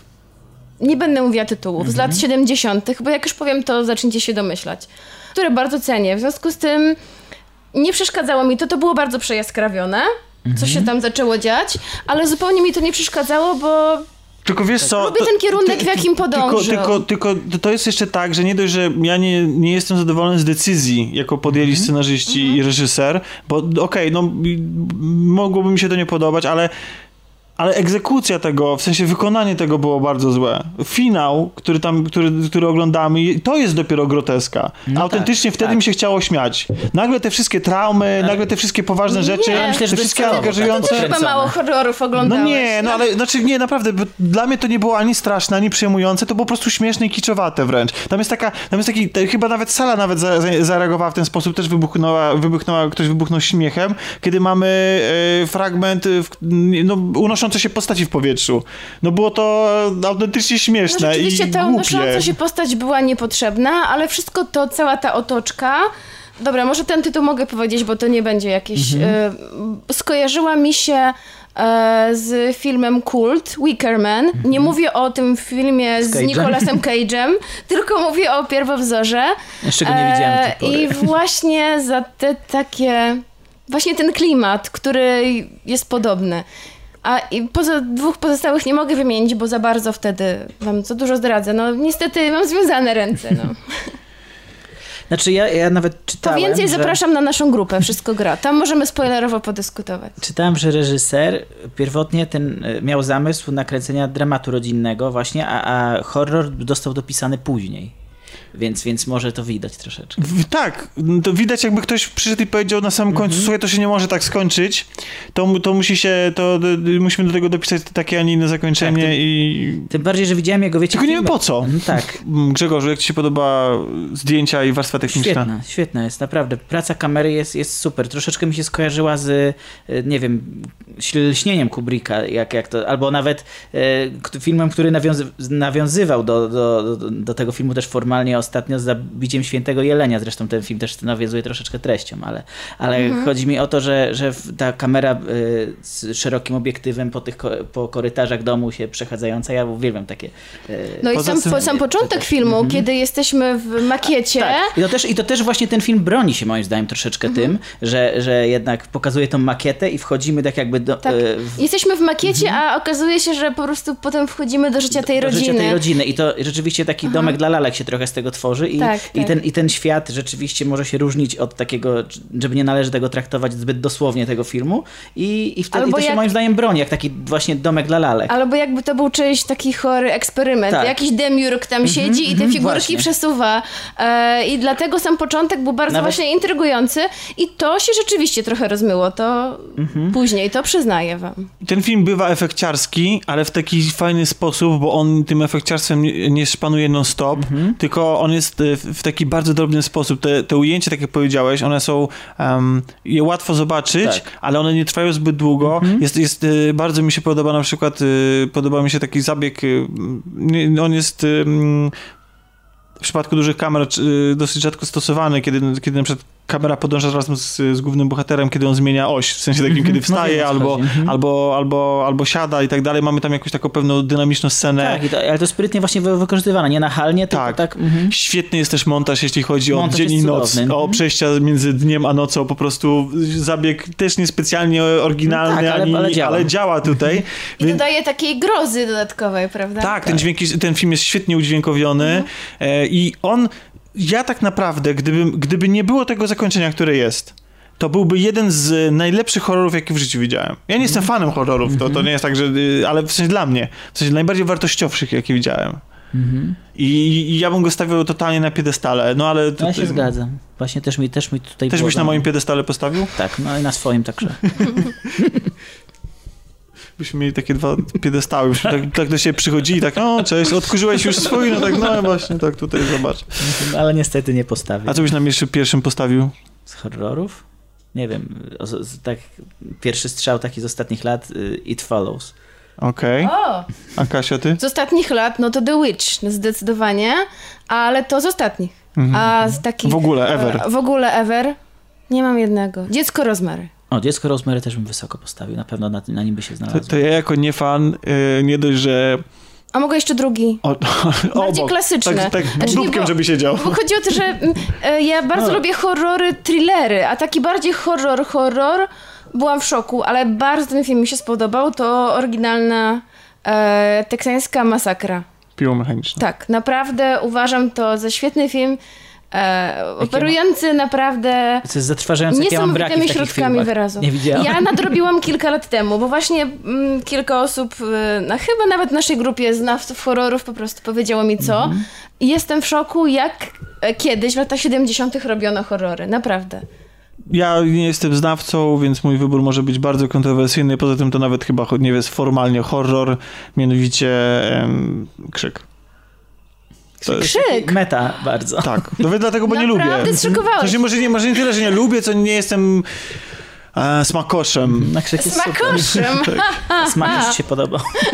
A, bo ty, ty nie wiesz, nie, Nie, pamiętasz nie tych wiem. czasów. Smakosz był w pewnym momencie w kolaudacji, jeszcze jak byliśmy wideo i nagrywaliśmy z Pawem, był e, oznaką tego, jak bardzo zły jest film. Bo to Aha, jest, okej. ja go wymieniłem wtedy jako najgorszy film, jaki w życiu widziałem. To jest Smakosz, nie, absolutnie. W ogóle tam nazwisko, tam chyba Coppola był producentem przy tym i to w ogóle dla mnie był w ciężkim szoku, bo to jest jeden z takich... No ale wiem, że są takie filmy, tak. które są po A prostu moje złe. pierwsze i- spotkanie z kolaudacją to było kręcenie filmiku, jak ratowałam Tomka e, kiedy uciekał przed fanami Smakosza. Tak, tak, tak, bo mieliśmy tam wtedy taką metanarrację, że Aha. wszystkie odcinki były sobą połączone fabularnie, wszystkie trzy, e, które się ukazało, tak. E, może kiedyś wrócimy do tego pomysłu, chociaż wątpię. No ale co, no właśnie, no to i co, tak wys- z jednej strony wysoko oceniamy, z drugiej strony tutaj trochę go besztamy, ale myślę, że jeżeli ten film oglądać, to w kinie, ze względu na tak, walory w kinie, w kinie on robi naprawdę ogromne wrażenie. Ale, ale powiem złą wiadomość, chociaż nie wiem, czy to będzie aktualne, kiedy, kiedy to wy- wyjdzie ten odcinek. Grzegorz już się Chyba cię ostatni raz zapraszamy. Bo już wie, jak to jest. Ale, ale, ale właśnie nie chcę ostatnio- powiedzieć czegoś nieaktualnego, no ale Mów, zaryzykuję. mów. Y, Cinema City y, już nie będzie grało tego filmu. Naprawdę? Tak, dlatego że się To coś nie Tomek, naszej dogadali. grupy nie czytałeś. Coś, coś się nie dogadali Wiesz z no, Monolitem wiem, że dzisiaj ktoś rzucał filmy- jakąś informację, ale... Tak, z Monolitem się nie dogadali i ich filmy przez, przynajmniej na razie Filmy nie zobaczyć. nie będą wyświetlane w ogóle w Cinema City i nawet te, których trailery były, na Tam nie przykład będzie. Sicario tak, 2 mhm, też nie będzie. i ten roz, rozdarci, to z tymi mapetami A też czy wiadomo nie będzie. E, Prawdopodobnie Chodzi o pieniądze. o, o, Chodzi o o, Unlimited. E, dzisiaj, e, dzisiaj Czy Cinema to, że za mało pieniędzy z tego tak, że jakoś właśnie nie wiem na jakich zasadach właśnie dystrybutorzy mają pieniądze z, z tego Unlimited, więc chyba coś tutaj musiało być na rzeczy. E, Dziś Cinema City wydało oświadczenie, w którym przyznało, że plotki były prawdziwe. Od dziś nie będą dystrybuować filmów Monolith do odwołania. E, Ja podejrzewam, że Ja liczę, że się e, dogadają, oni, bo to jest... oni Bo to jest zażyczyli sobie za dużo pieniędzy Możliwe. od, od Monolith. E, Jakieś tam finansowe w każdym razie, ale na pewno podejrzewam, że no. Cinema City na tym może stracić, bo jest, Oczywiście. mamy sezon ogórkowy i to, to jest jednak- najgorszy moment i jest a mało Monolith, filmów. jest, a Monolith jest jednak z jednym z większych producentów w Polsce, znaczy dystrybutorów w Polsce i No tak. Chociaż głównie A Monolith plus, filmów... plus jeszcze istnieje? chyba nie. No, no, jednak no, stracimy na tym trochę, jako kinomani, my przede wszystkim. No, jako abonenci... No, e, no jako abonenci zwłaszcza, Unlimited szczególnie. Tak, no. Właśnie, drodzy słuchacze, to trochę- Żądamy, żeby było taniej teraz. chciałam coś wam powiedzieć, bo tak mówimy o tych kartach Unlimited, a nie wiem, czy wiecie, że... Sponsoruje nas Cinema City. Cinema City. Nie, nie, to nieprawda. Szkoda. Jest bardzo fajna promocja. Nie, no naprawdę nam nic nie płacą, a szkoda mogliby.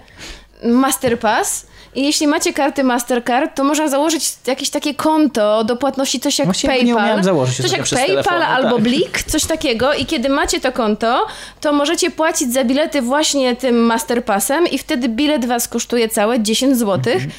A zajrzałam do to? regulaminu, tak, można kupić 5 biletów dziennie, tylko że pojedynczych. Mhm. 5 seansów dziennie za 10 zł, no moim zdaniem jest to świetna cena. Czy, nie trzeba 5 razy dziennie Ja chodzić, właśnie ale... żonie chciałem kupić y, ten, ten, ten bilet, jak, jak szliśmy na coś. A założyłeś tego No Masterpassa? i właśnie nie, coś mi, jakiś błąd mi wyskoczył w telefonie i, i zrezygnowałem Bo wiem, że i kupiłem normalny bilet. Można na płacić e, normalnie Muszę przez internet tym. Masterpassem, albo tak jak blikiem w Aha, kasie kina, okej. jakoś zbliżeniowo. No, No, muszę ale się tym zainteresować poczytajcie sobie o tym, bo myślę, że bilet za 10 zł to jest w dzisiejszych czasach, kiedy kosztują one czasami nawet i powyżej 30 zł, No to tak, jest to świetna cena. Nie wiem, czy Grzegorzu, czy ty słuchasz amerykańskich podcastów o grach? Niestety. Jest taki podcast Giant Bombcast. Aha. Oni robią fenomenalnie, wplatają, właściwie tak inscenizują trochę reklamy w, w swoją audycję.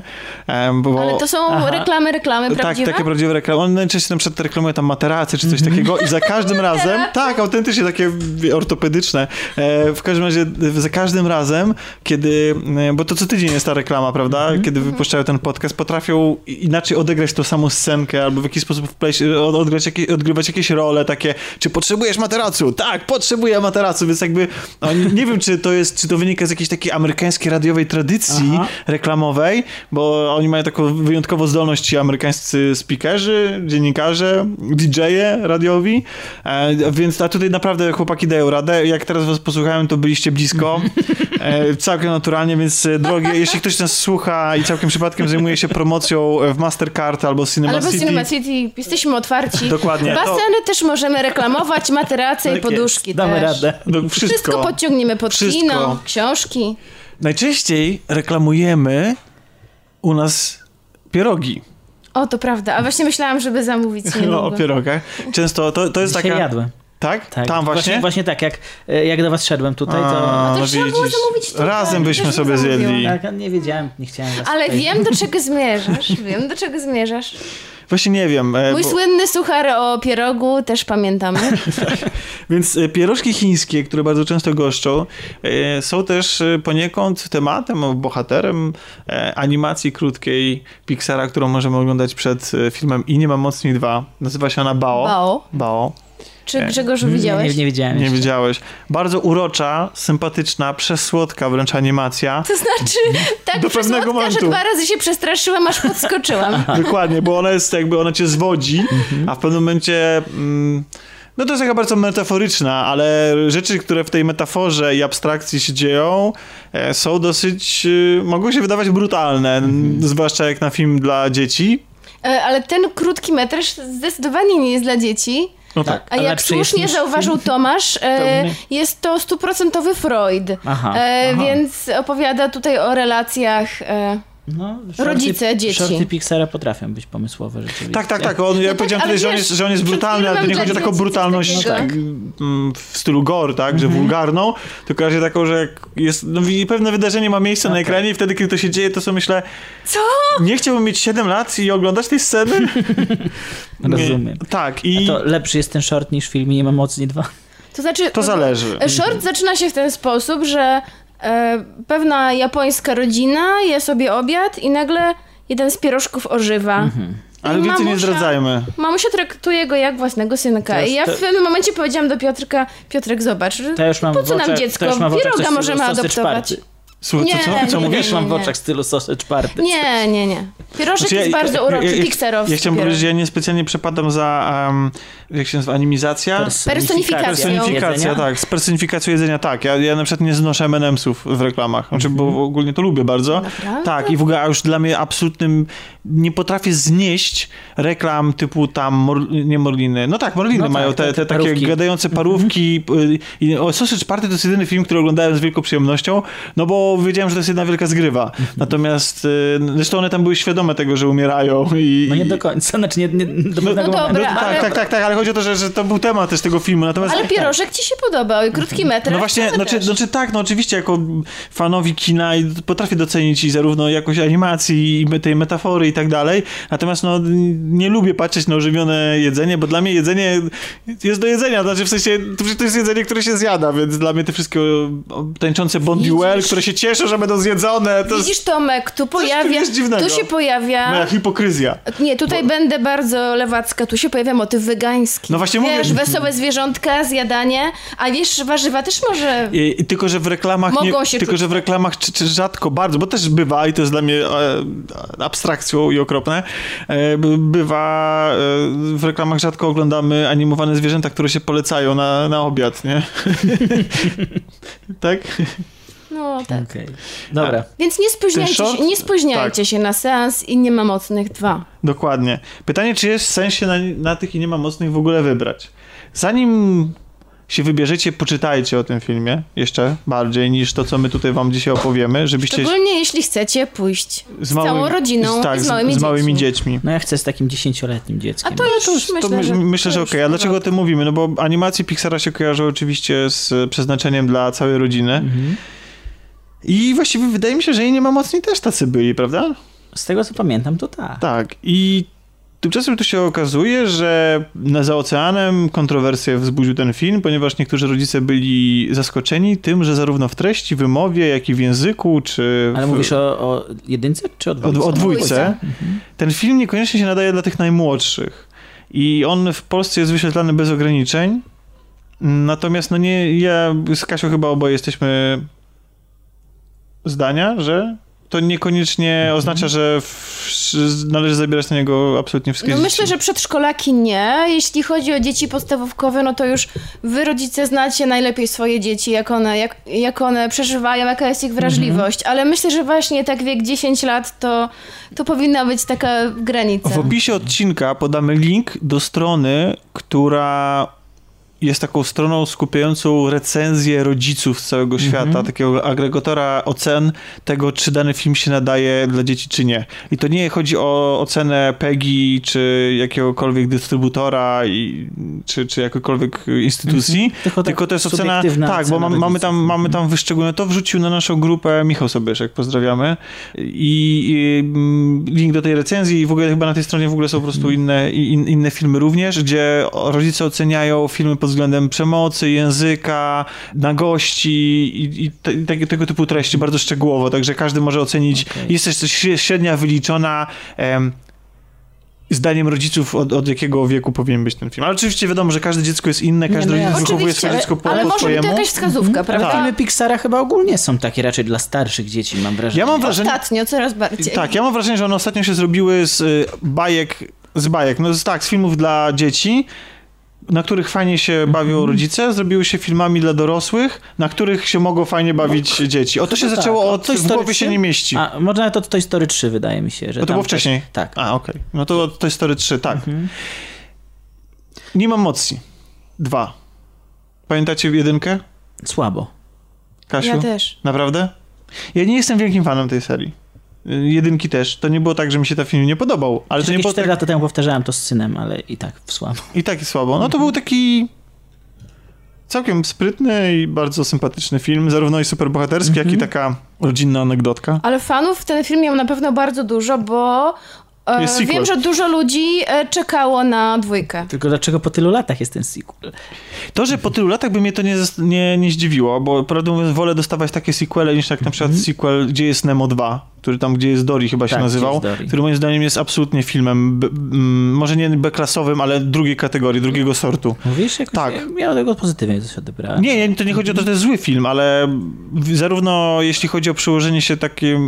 No ja tam znalazłem dużo minusów, Aha. nie oglądałem tego jako najwyższe, najlepsze, e, z, wyższej półki dzieło Okej. Pixara. To chyba Pixar też tak, robił. tak. E, więc wydawało mi się, że ten, ten projekt po prostu wyszedł jakoś bokiem, po prostu, żeby zarobić na marce, czy, Bo czy a propos takiego. właśnie gdzieś e, takie hipotezy się pojawiały, że i nie ma mocni dwa, to też był scenariusz, który przeleżał wiele lat w szufladzie i dopiero teraz ktoś się tam chciał nim zainteresować. I nie wiem, i nawet Być niektórzy mówią, że to może- widać. Być Tak. może na fali e, kina superbohaterskiego Mhm. i sukcesów Marvela ktoś stwierdził, o, teraz jest dobry czas i teraz się to Mhm. może tak. sprzeda. To widać w tym filmie, dlatego że ja muszę przyznać, że również byłem zaskoczony, że nie powracamy do tej rodziny starszej o te wszystkie Mhm. lata, których ich nie widzieliśmy na ekranie, że te wszystkie dzieci już są dorosłe, Aha, może to- mają własne Okej, dzieci na to tak przykład. czas się zatrzymał tam. Tak, mało tego, my dosłownie oglądamy film, zaczynamy dokładnie w tej sekundzie, w której się skończyła pierwsza Aha. część.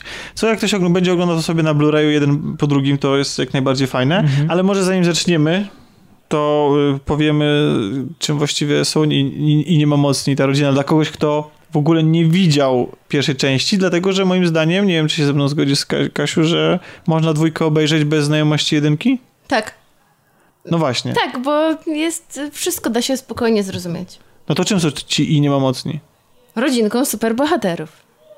Pan i niemamocny ma taką supermoc, że jest bardzo silny.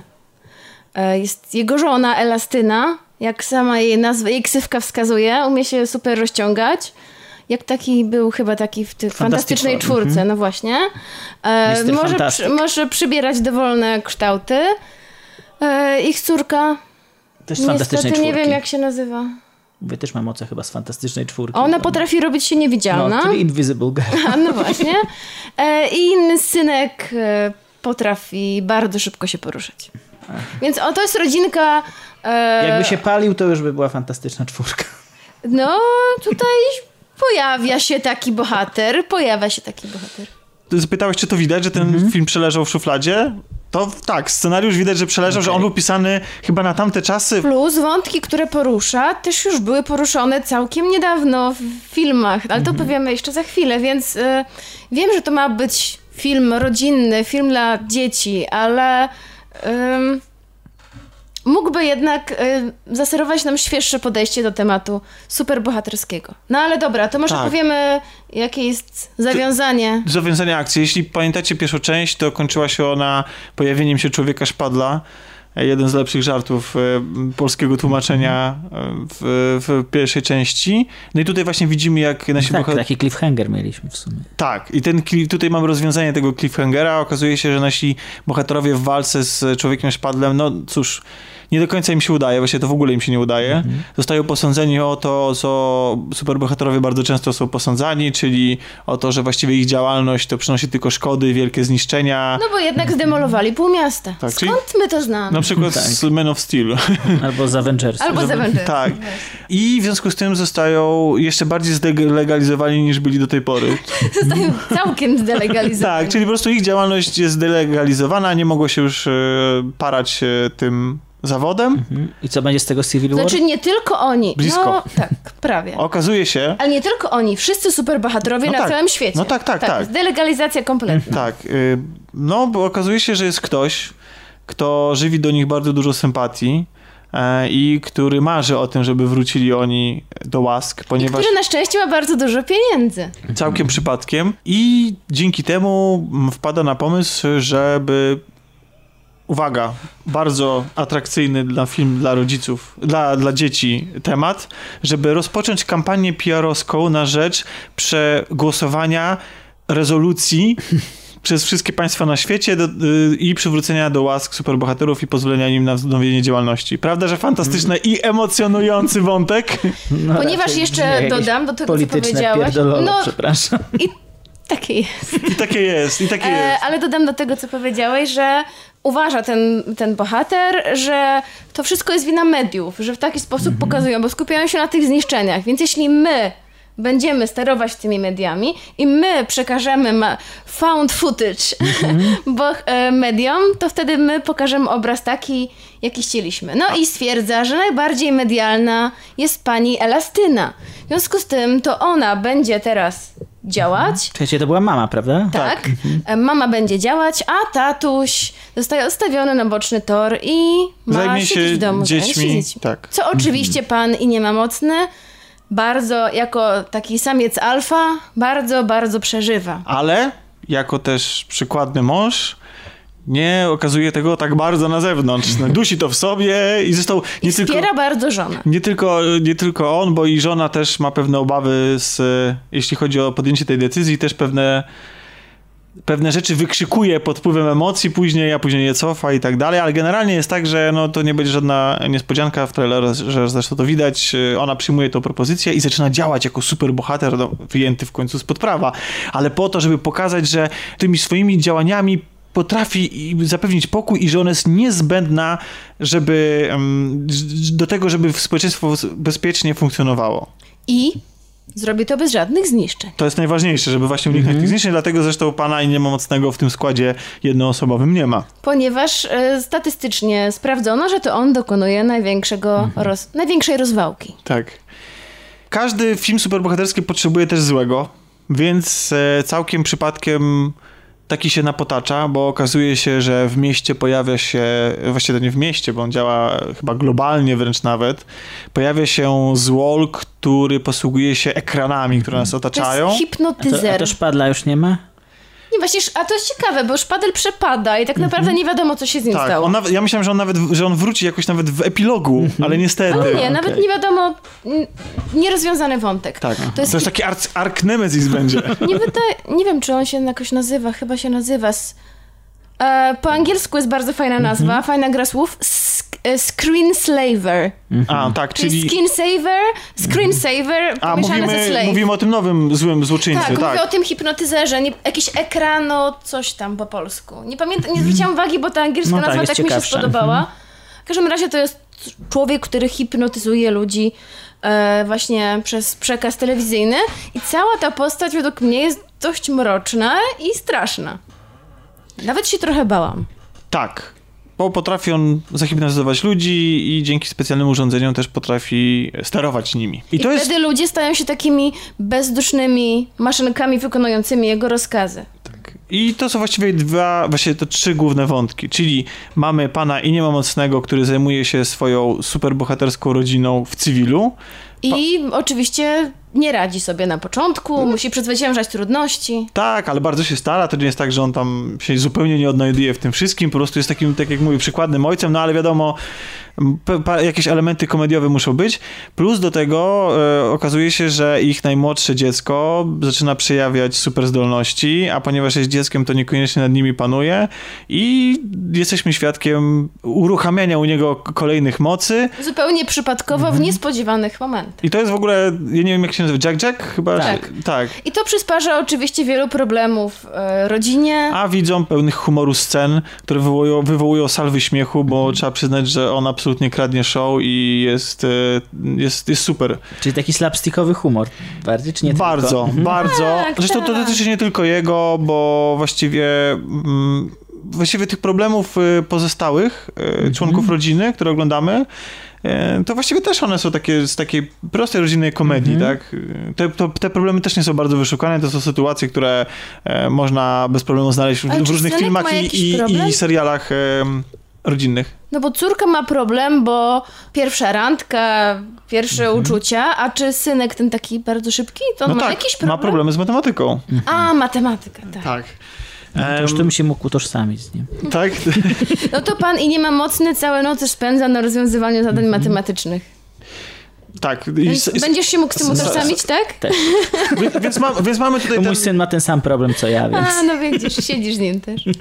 Więc mamy tutaj ten taki, to takie przełożenie sytuacji z naszego codziennego życia nas, zwykłych szaraków pozbawionych mocy, podciągnięte do sześcianu i przefiltrowane przez No tak. super bohaterskie umiejętności naszych bohaterów, przez co ogląda się je sympatycznie i bardzo łatwo się z nimi utożsamić i odnaleźć w tej rodzinie. Mhm. Zarówno jeśli chodzi o Elastynę i relacje między ojcem a, między żoną a mężem, jak i ich relacje między dziećmi i dziećmi między sobą. A czy proporcje tego filmu familijnego, czy tam obyczajowego do takiego super bohaterskiego akcyjniaka, jak to, jak to się ma? Kasiu. Moim zdaniem coś jeszcze zupełnie innego się pojawia i to Aha. w bardzo e, sposób podane na tacy, mianowicie James Bond. I ten Aha. motyw moim zdaniem tutaj dominuje, bo od samej, od pierwszej chwili e, muzyka... Nie, że postać, tylko forma. Forma. Muzyka, e, która towarzyszy scenom akcji, jest jak wyjęta z Bonda. Są nawet piosenki o każdym z bohaterów. Każdy ma swój motyw muzyczny bardzo bondowski. I sceny są, mm, chciałam powiedzieć, kręcone, no ale sceny są robione właśnie w taki sposób, jak w filmach akcji takich szpiegowskich, a nie superbohaterskich. I tutaj też mamy wynalazki, mamy też samochód. E, i, I nawet jedna z ostatnich scen finałowych jest jak wyjęta z filmów o Bondzie. Oczywiście jest to zrobione celowo dla przyjemności widza dorosłego. No tak, bo tam, oczywiście. tam w pierwszej części już była postać, która im te gadżety wymyślała. y, Taka, No taki tak, odpowiednik tutaj- bondowskiego Tutaj też mamy y, tę postać. E, No tak, to tak, było bardzo przyjemne, ale z drugiej strony Ja nie wiem, Nie czy było wiem. potrzebne. właśnie, Okej. Bo, bo to też, y, ponieważ nie widzieliśmy tych bohaterów bardzo długo na, tym, na ekranie, więc y, odróżnianie na siłę jeszcze tą stylistyką od poprzedniej części moim zdaniem nie było si- takie potrzebne. Zwłaszcza, że w tym filmie mamy jeszcze, jeszcze kolejne wątki, bo temu złolowi, który hipnotyzuje ludzi, który y, terroryzuje świat, o coś chodzi. I to o coś chodzi jest również polityczne i jest również e, skierowane do dorosłych, ten przekaz. I ten przekaz jest bardzo poważny, znaczy na tyle, na ile animacja superbohaterska No może jasne. sobie pozwolić, ale jest to, jest to kolejny wątek. Plus mamy jeszcze wątek e, dotyczący równouprawnienia, tych wszystkich spraw równość, równościowych dotyczących e, kobiet. taki film jest bardzo girl power, bardzo. Bo Sfeminizowany. tutaj tak. jednak Elastyna... No to na czasie. Elastyna dominuje. Więcej nie mogę powiedzieć. Tak, ale on też jest taki ale na chodzi o to, że ogólnie jednak sprzed- kobiety. z- o- Na czasie sprzed kilku lat, Aha, mam wrażenie. Czyli po prostu już o tym się mówiło już dawno, to jest jasne, to co on Tak, tam tak jak porusza, właśnie tak? motyw... Czyli to, że kobieta na przykład może nie pracować, znaczy może, może pracować właśnie, i a, być a nie na siedzieć w domu, tak, tak. E, Tak, i być, być utrz- utrzymywać rodzinę, powiedzmy. Tak. E, Tak, dokładnie właśnie tak samo jak motyw Bo też- tych praw superbohaterów i tych ich e, delegalizacji i ten moralny dylemat, czy to jest dobrze, że ci bohaterowie są, czy to jest źle, Mhm. to już przerobiliśmy w Civil War i jakby to już było przedyskutowane w jedną i w drugą No stronę. tak. Więc widać, że ten film jest delikatnie spóźniony Aha. i ta mnogość wątków i stylów trochę jemu nie służy, moim zdaniem. Zapytałeś, czy co przeważa i czy Mhm, to dobrze. Ja bym z jednej strony usunął właściwie całkowicie wątki superbohaterskie. Mhm. Na pewno bym dla swojej przyjemności oglądania wyrzucił całkowicie sprawy polityczne związane właśnie z tym, kim są bohaterowie w świecie, czy powinniśmy na nich polegać, tak jak tutaj yy, Mhm. Kasia powiedziała, jakieś moralne dylematy.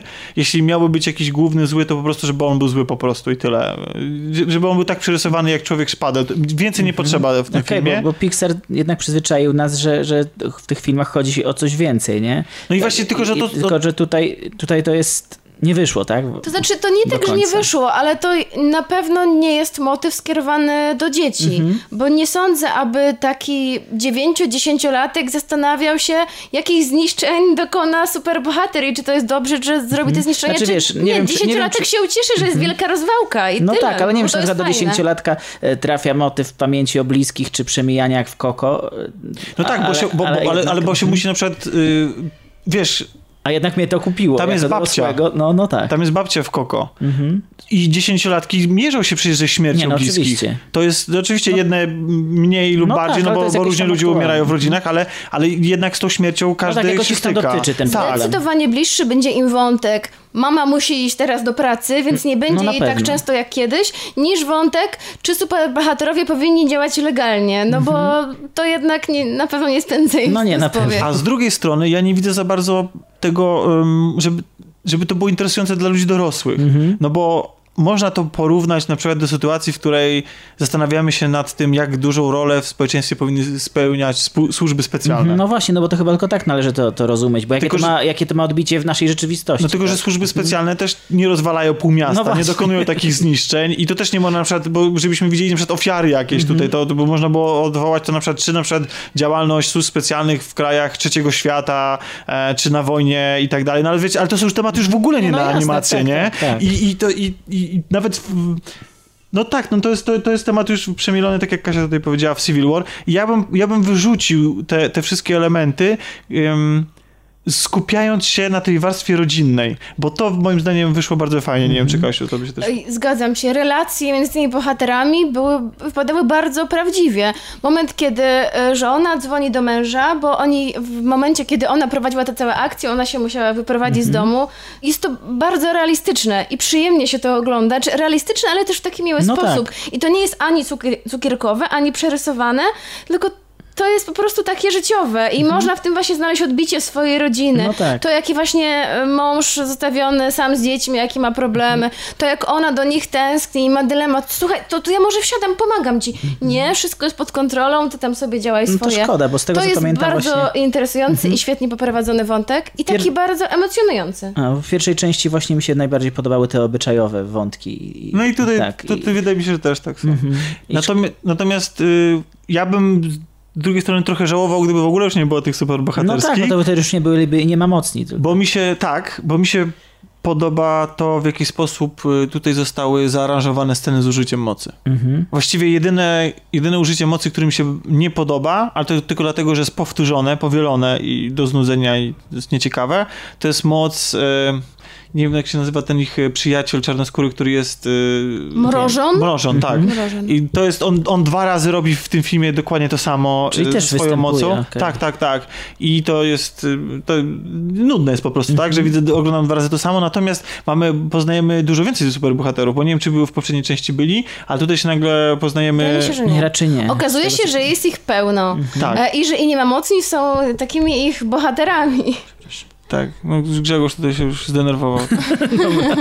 E, ale nie bij mikrofonu. Okej.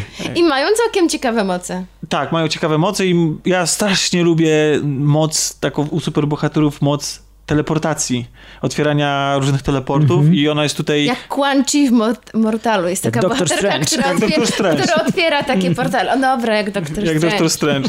I, i, I tutaj też jest taka postać, która też to potrafi i moim zdaniem bardzo fajnie jest to wykorzystane do, w połączeniu, bo najfajniej te, te moce wypadają, kiedy się je łączy. I kiedy W na przykład, tak, kiedy Elastyna łączy swoje moce z e, właśnie z bohaterką, nie pamiętam jej imienia, e, nie pamiętam. To od tych portali. Tak, od tych portali, tak, to, to, to, to, to jest, y, to, to, to wypada to naprawdę bardzo fajnie, wszystkie Tak, bijatyki mm, są, są super i tego by mi brakowało. Mhm. Humor może jeszcze, bo powiedzi, powiedzieliśmy, że tutaj, że, że nośnikiem tego humoru jest y, na pewno wszystkie sytuacje związane z Jack Jackiem. Wydaje mi się, że film ogólnie jest w ogóle bardzo śmieszny. Choć nie zawsze tłumaczenie... Bardzo śmieszne. Ja się nie śmiałam jakoś przesadnie, nie rechotałam. Też kilka razy się zaśmiałam rzeczywiście. Jest stosunkowo śmieszny. Pamiętam, Tomek, że powiedziałeś, że początek filmu jest nudny. Tak, no ale to właśnie, ale to właśnie przez te wszystkie sprawy związane z polityką. Znaczy, Znaczy, tak od razu na wstępie nas zarzucają tymi. tak, i Tak, to jest w ogóle... I, Początek. I to jest w ogóle tak jeszcze wpisane w taką ekspozycję. Mhm. Oglądają jak postacie rozmawiają, jak postacie chodzą, jak coś jest im tłumaczone, jak są wyjaśniane różne plany, co trzeba zrobić i tak dalej, Wtedy i tak nie jest dalej. śmiesznie. No nie jest śmiesznie. Właśnie Mhm. dlatego to, to jest tak, tak sobie. Znaczy, bo ja nie chciałbym, żeby, żeby to też zabrzmiało, że ten film się nam jakoś skrajnie nie podobał i w ogóle, nie? Bo bawiliśmy się ostatecznie chyba na nim dobrze, co Kasiu? Tak, dobrze. Dobrze. Tak, jest okej. Dobrze, kropka, bez Natomiast, bardzo. natomiast wracając do tego... 7 na 10. Natomiast wracając do tego, co... e, Pokiwaliśmy głowami. Tak, tak. Takie Didaskalia. Tak. Do, wracając do tego, co mówiliśmy na samym początku, czyli że film może przerazić i może być nieodpowiedni dla najmłodszych widzów. To pomijając temat czy wymowę niektórych wątków, to mamy jeszcze kwestię audiowizualną. E, No bo ten cały nasz hipnotyzer e, oferuje takimi e, mocno mrugającymi, stroboskopowymi Mhm. światłami. To rzeczywiście może być, może być męczące. I Mhm. jest też ostrzeżenie. Nie tylko, to mi się bardzo podobało, że nie tylko przed filmem, ale w momencie, kiedy zamawiałam bilety przez internet, już pojawiło się ostrzeżenie, Mhm. E, że widzowie, którzy mają skłonności. Epilepsję tak. Tak, tak. tak, bo, bo, bo, bo te światło stroboskopowe jest bardzo, Bardzo mocne. bardzo intensywne. I właściwie nie wiem też dlaczego. Znaczy Ale fa- fajny jest efekt, Jest ale... to w momencie walki i przyznam, że mnie ta walka przerażała, bo tam jest użyta taka, e, nie wiem jak to się nazywa, taka pałka, która razi prądem. I kiedy przeciwnik, e, kiedy, dobrze, kiedy bohaterka jest rażona prądem, e, to nie jest tak, że to jest pokazane tak jak w animacjach, że się pojawia kościotrupek i włosy stają jej dęba, tylko ona w tym momencie się przewraca i krzywi się z bólu. E, i, a, a jest uderzona kilkukrotnie. I to jest moim zdaniem dość brutalna scena, naprawdę rzeczywiście bru, bardzo brutalna jak na film dla dzieci. Jest mroczna jeszcze przez to, w jakiej strój nosi bohater, w jakich okolicznościach się to, to odbywa, bo to taki się odbywa w Scarecrow takim... z Batmana, on bardzo przypomina mi te postacie, czy ma inną maskę, ale No, taka ale trochę okej. Scarecrow, Punisher, taka, takie coś na twarzy, takie dość straszne. Mhm. Mnie też przeraziło i to w tym momencie wyszło, wyszła jedna mama z dzieckiem z kina.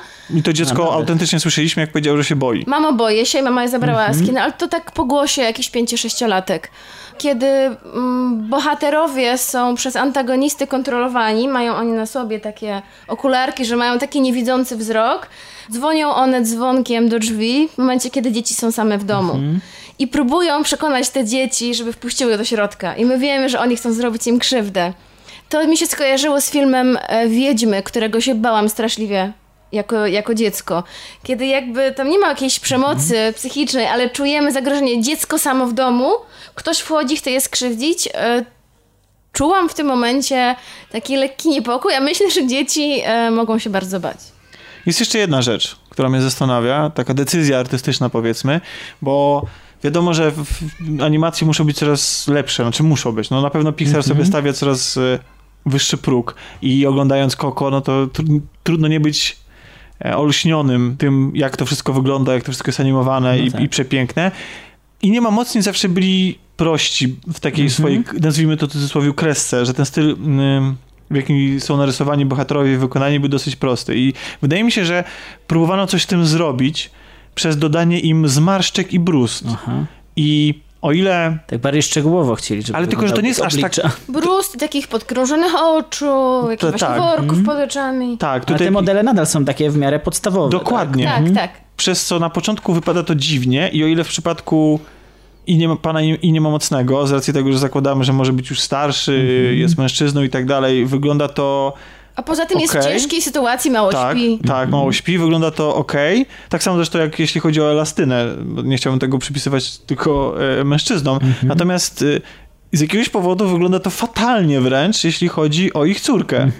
Ponieważ ona wygląda tutaj jakby była Jakby, no, jakby miała ze 40 lat. Mhm. Natomiast Albo jest nastolatką. była wiecznie niewyspana. Tak, znaczy, tak. ma takie ogromne wory pod oczami. Ale ona chyba taki image ogólnie miała takiego trochę, takie god girl trochę, nie? Tylko, tylko nie wiem, wiesz, to po prostu wygląda jakoś tak dziwnie. Trzeba się do tego przyzwyczaić. Nie, w- nie w każdym ujęciu to widać. Okej. E, I to nie jest tak, że, że ja oczekuję, że wszyscy będą piękni i nieskazitelni, tylko chodzi o to, że to się kłóci trochę z prostotą reszty tego świata i chociaż nie, świat akurat jest bardzo szczegółowo przedstawiony i to mi się bardzo podobało. Tak? To wychodząc z kina, oglądając już nawet ten film, miałem w głowie takie marzenie, żeby ktoś kiedyś zrobił film science fiction, ale taki hardkorowy science fiction. Mogą być kosmici, podróże międzygwiezdne, może być, nie wiem, coś, coś ala cyberpunk w przyszłości i tak dalej, ale w klimacie lat 50., tak totalnie, jakby się to wtedy działo. Tylko nie z takimi efektami. Bo No ten tak, film oprócz, tak- oprócz miłości do Jamesa Bonda jeszcze przemyca taki retro klimat,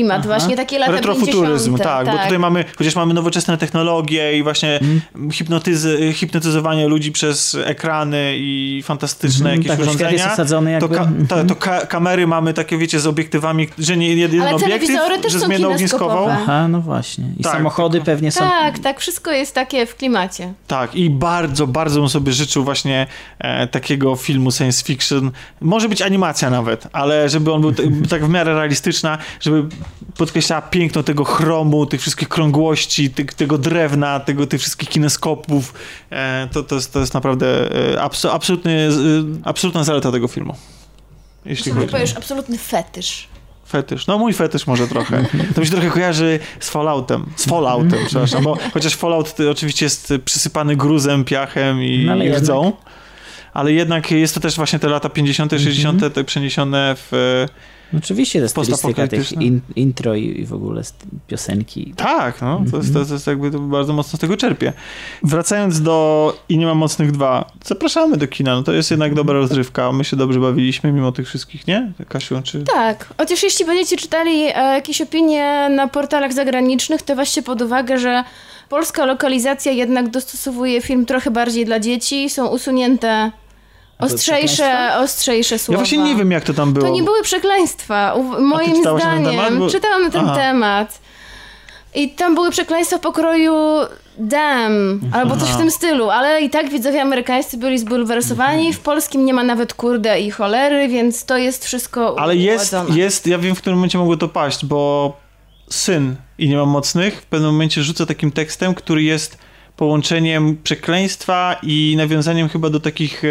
Do, do, do, do tego, jak w misiu był cały ten kurka wodna albo kurcze pieczone, czy coś takiego. A, tak. Pamiętacie? Tak, tak. I e, w- jeśli jesteśmy przy nawiązaniu do polskiej popkultury i kultury, to ponieważ Piotr Franceski podkłada głos pod e, pana Iniema Mocnego. Pasuje to idealnie. No tak, zdaniem. oczywiście. Chociaż trochę już słychać wiek pana, pana Piotra, moim zdaniem.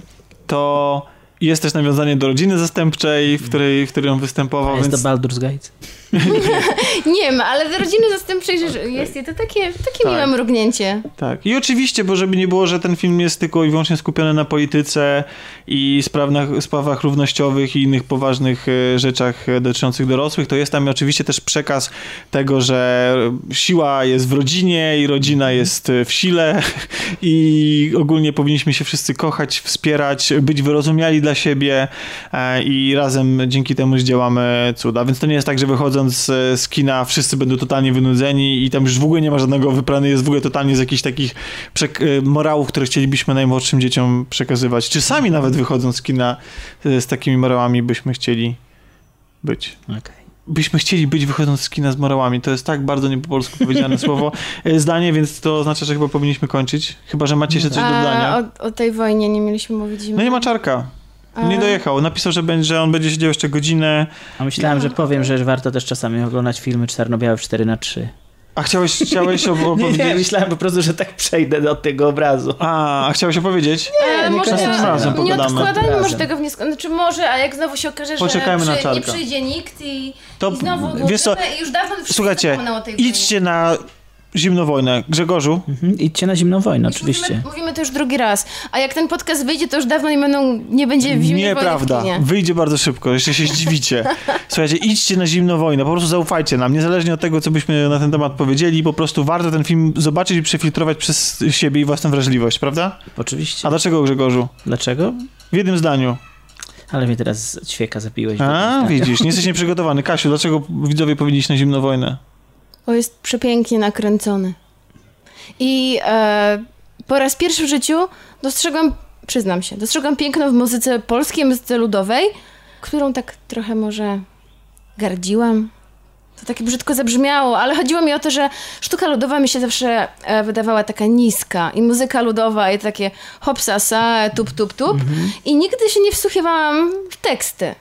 A dopiero ten film e, sprawił, że posłuchałam No to są bardzo proste teksty, ale one jednak potrafią działać. i są no, mocne. I, I chciałam bardzo muzykę ludową przeprosić. A to jest, to jest rzeczywiście no, najpiękniejszy film, jaki widziałem w tym roku i jeden w ogóle chyba z najpiękniejszych, jaki Ale widziałem. wizualnie w sensie czy wizualnie, ogólnie? wizualnie, Wizualnie. tak. Bo ja nie jestem aż tak e, zachwycona tym filmem jak większość widzów. Mhm. Mam jakieś swoje zarzuty, ale to nie znaczy, że nie Na polecam. przykład? Ten film wygląda jak taka zaginiona perełka z lat 50. Tak. I na przykład, na przykład, A że fabuła 50. była tak naprawdę bardzo prosta i taka, którą już oglądaliśmy w kinie sto razy, no. Romeo i Julia. Hmm. Tylko, że tutaj trochę W inaczej. sumie jest. każdy film o miłości może powiedzieć, że to jest Romeo i Julia w tym No, kontekście. nie, no ale chodzi mi o to, że nie poczułam za dużo emocji, bo to wszystko wydało mi się takie przewidywalne. Oglądałam ten film, jakbym oglądała obraz w galerii. To wszystko zachwycona byłam. Było kilka momentów i to były momenty głównie właśnie muzyczne, kiedy poczułam jakieś ściskanie w żołądku. Okej, ale relacja nie między przejęłam bohaterami, Się, nie, nie? przejęłam się tym zupełnie. Nie wiem, e, nie sądzę, abym była niewrażliwym kamieniem, bo się przejmuję i wieloma rzeczami i filmami, ale Ja dopiero jak film się skończył, to uświadomiłem sobie, jak mocno to na mnie zadziałało. Dopiero po zakończeniu, jak już po prostu wstawałem z fotela, to pomyślałem musiałeś sobie usiąść. Jednak, tak, tak. Musiałem usiąść zaraz. A najmocniejsza była scena dla mnie, w której tak naprawdę nie było żadnego takiego okazywania uczuć ciu, ciu, ciu, ciu. Bo to była scena, ciu, ciu, ciu, Bo to była scena, ale w ogóle żadnych czułości, bo to była scena z festiwalem piosenki chyba w Kołobrzegu, czy gdzieś, czy w Opolu Bajabongo? i Bajabongo. Tak, scena Bajabongo to była dla mnie najmocniejsza scena, i, a inne na mnie aż tak nie zadziałały. Jak Bajabongo. To było chyba Opole, bo Kołobrzeg to była piosenka żołnierska, przepraszam. Nie, to był Wykazałam się Kołobrzeg. arogancją. Tak, Kołobrzeg? No mi się wydaje, że to No była tak. piosenka żołnierska, a nie, a nie w Opolu. To Bajabongo to żołnierskie nie jest za bardzo. Niby nie. Nie, to był chyba Ale Kołobrzeg. tak mi się też wydaje, że Z jakiegoś powodu odbierałem to jako Kołobrzeg, a nie Ale jako... mm, nie. Pozdrawiamy Kołobrzeg. I Opole też. Tak jest. I Sopot. I Sopot. Czyli to Byłem będzie ostatnio. film, Słuchajcie. to będzie film, o którym powiemy najwięcej razy. A Tomek opowie, jak, jak wreszcie pojechał na festiwal. Tak, mogę. Gdzie, Oczywiście. masz, ma, masz jeszcze chwilę? No tak, znajdę jeszcze, bo tej historii muszę wysłuchać. No to po twojej minie. Słuchajcie, byłem na, byłem na festiwalu, pierwszy raz byłem na Openerze w życiu. Aha. Aż zapalę światło. I mimo, że jesteś już stary, to na pierwszy raz nigdy nie jest za późno. Słuchaj, z tą starością, z tą starością to jeszcze, to jeszcze wrócimy do tego. Wchodzę tam na festiwal. Ja zawsze słyszałem, że Open Air to jest jakieś takie niesamowite miejsce, że w ogóle, że to jest wielkie wow, w ogóle jakieś takie, jakby to był Nie, tam podróż... jest dużo trawy po prostu. Jakby to był... Duża przestrzeń. A trawy. Trawy też było. Non stop się, non stop się niósł zapach trawy, naprawdę.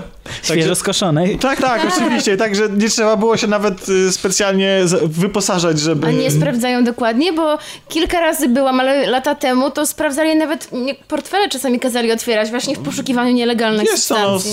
Można wcześniej się przygotować. no, Co tam będziemy. Można się przygotować wcześniej. Tak, nie będziemy tutaj Dobra. przecież e, Zdradzać. zdradzać, zwłaszcza, że w Polsce jeszcze jest to e, nielegalne. Pojechałem tylko na w piątek i pojechałem na kilka rzeczy sobie wybrałem. Przede wszystkim chciałem zobaczyć stand-up Polska na żywo i słuchajcie, to jest dla mnie skandal absolutnie, ponieważ okazało się, ja poszedłem, bo był mecz w międzyczasie, poszliśmy jeszcze na mecz i ja z tego meczu e, pomyś- pomyślałem sobie, a za 10 minut pójdę, kto będzie szedł na ten stand-up Polska?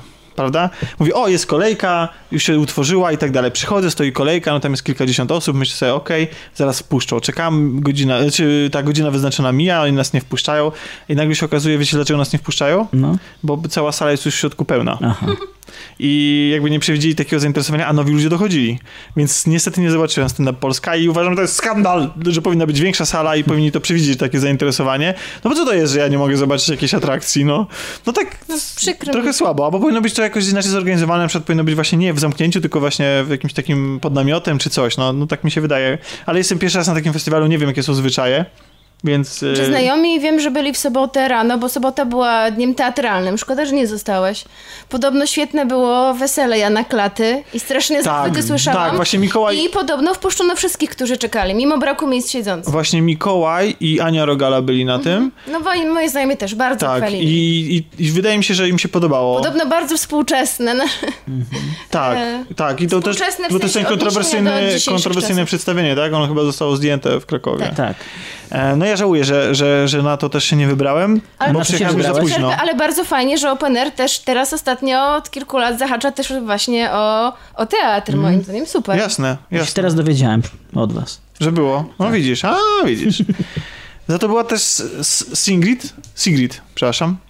To jest taka wokalistka skandynawska, którą ja sobie odkryłem jakiś czas temu i w której się absolutnie zakochałem w jej śpiewie i w ogóle w tych piosenkach. To jeden z powodów, dla którego jednak się zdecydowałeś pojechać. Tak, dlatego wybrałem ten dzień, bo uznałem, że że to, y, że, że chcę ją zobaczyć po prostu, że jeśli mam już kogoś tam, no nie wybiorę się w tygodniu na Ar- Arctic- Mon- Monkeys tam Monkeys. było, czy, czy, czy na innych y, wykonawców, no po prostu no Nick Cave, Depeche! Mode, Massive Attack. totalnie, totalnie, jeśli chodzi o Nicka Cave'a, to tak strasznie żałuję, że on Aha. w piątek nie grał, bardzo bym chciał e, na jego koncercie być, no byłem na, na Sigrid, która była tak zaskoczona tym, jak jest popularna i przyjęta w Polsce, nie wiem, czy to było odegrane, czy nie, bo ona po prostu oniemiała wręcz, była Mhm. Sprawiała wrażenie osoby, która nie spodziewała się zupełnie do tego stopnia, że wydaje mi się, że oni mieli to po prostu zaplanowane tak, że ona wychodzi, śpiewa jedną, drugą, trzecią, czwartą, piątą piosenkę i do... ja nawet nie wiedziałem, że ona ma tyle piosenek, naprawdę.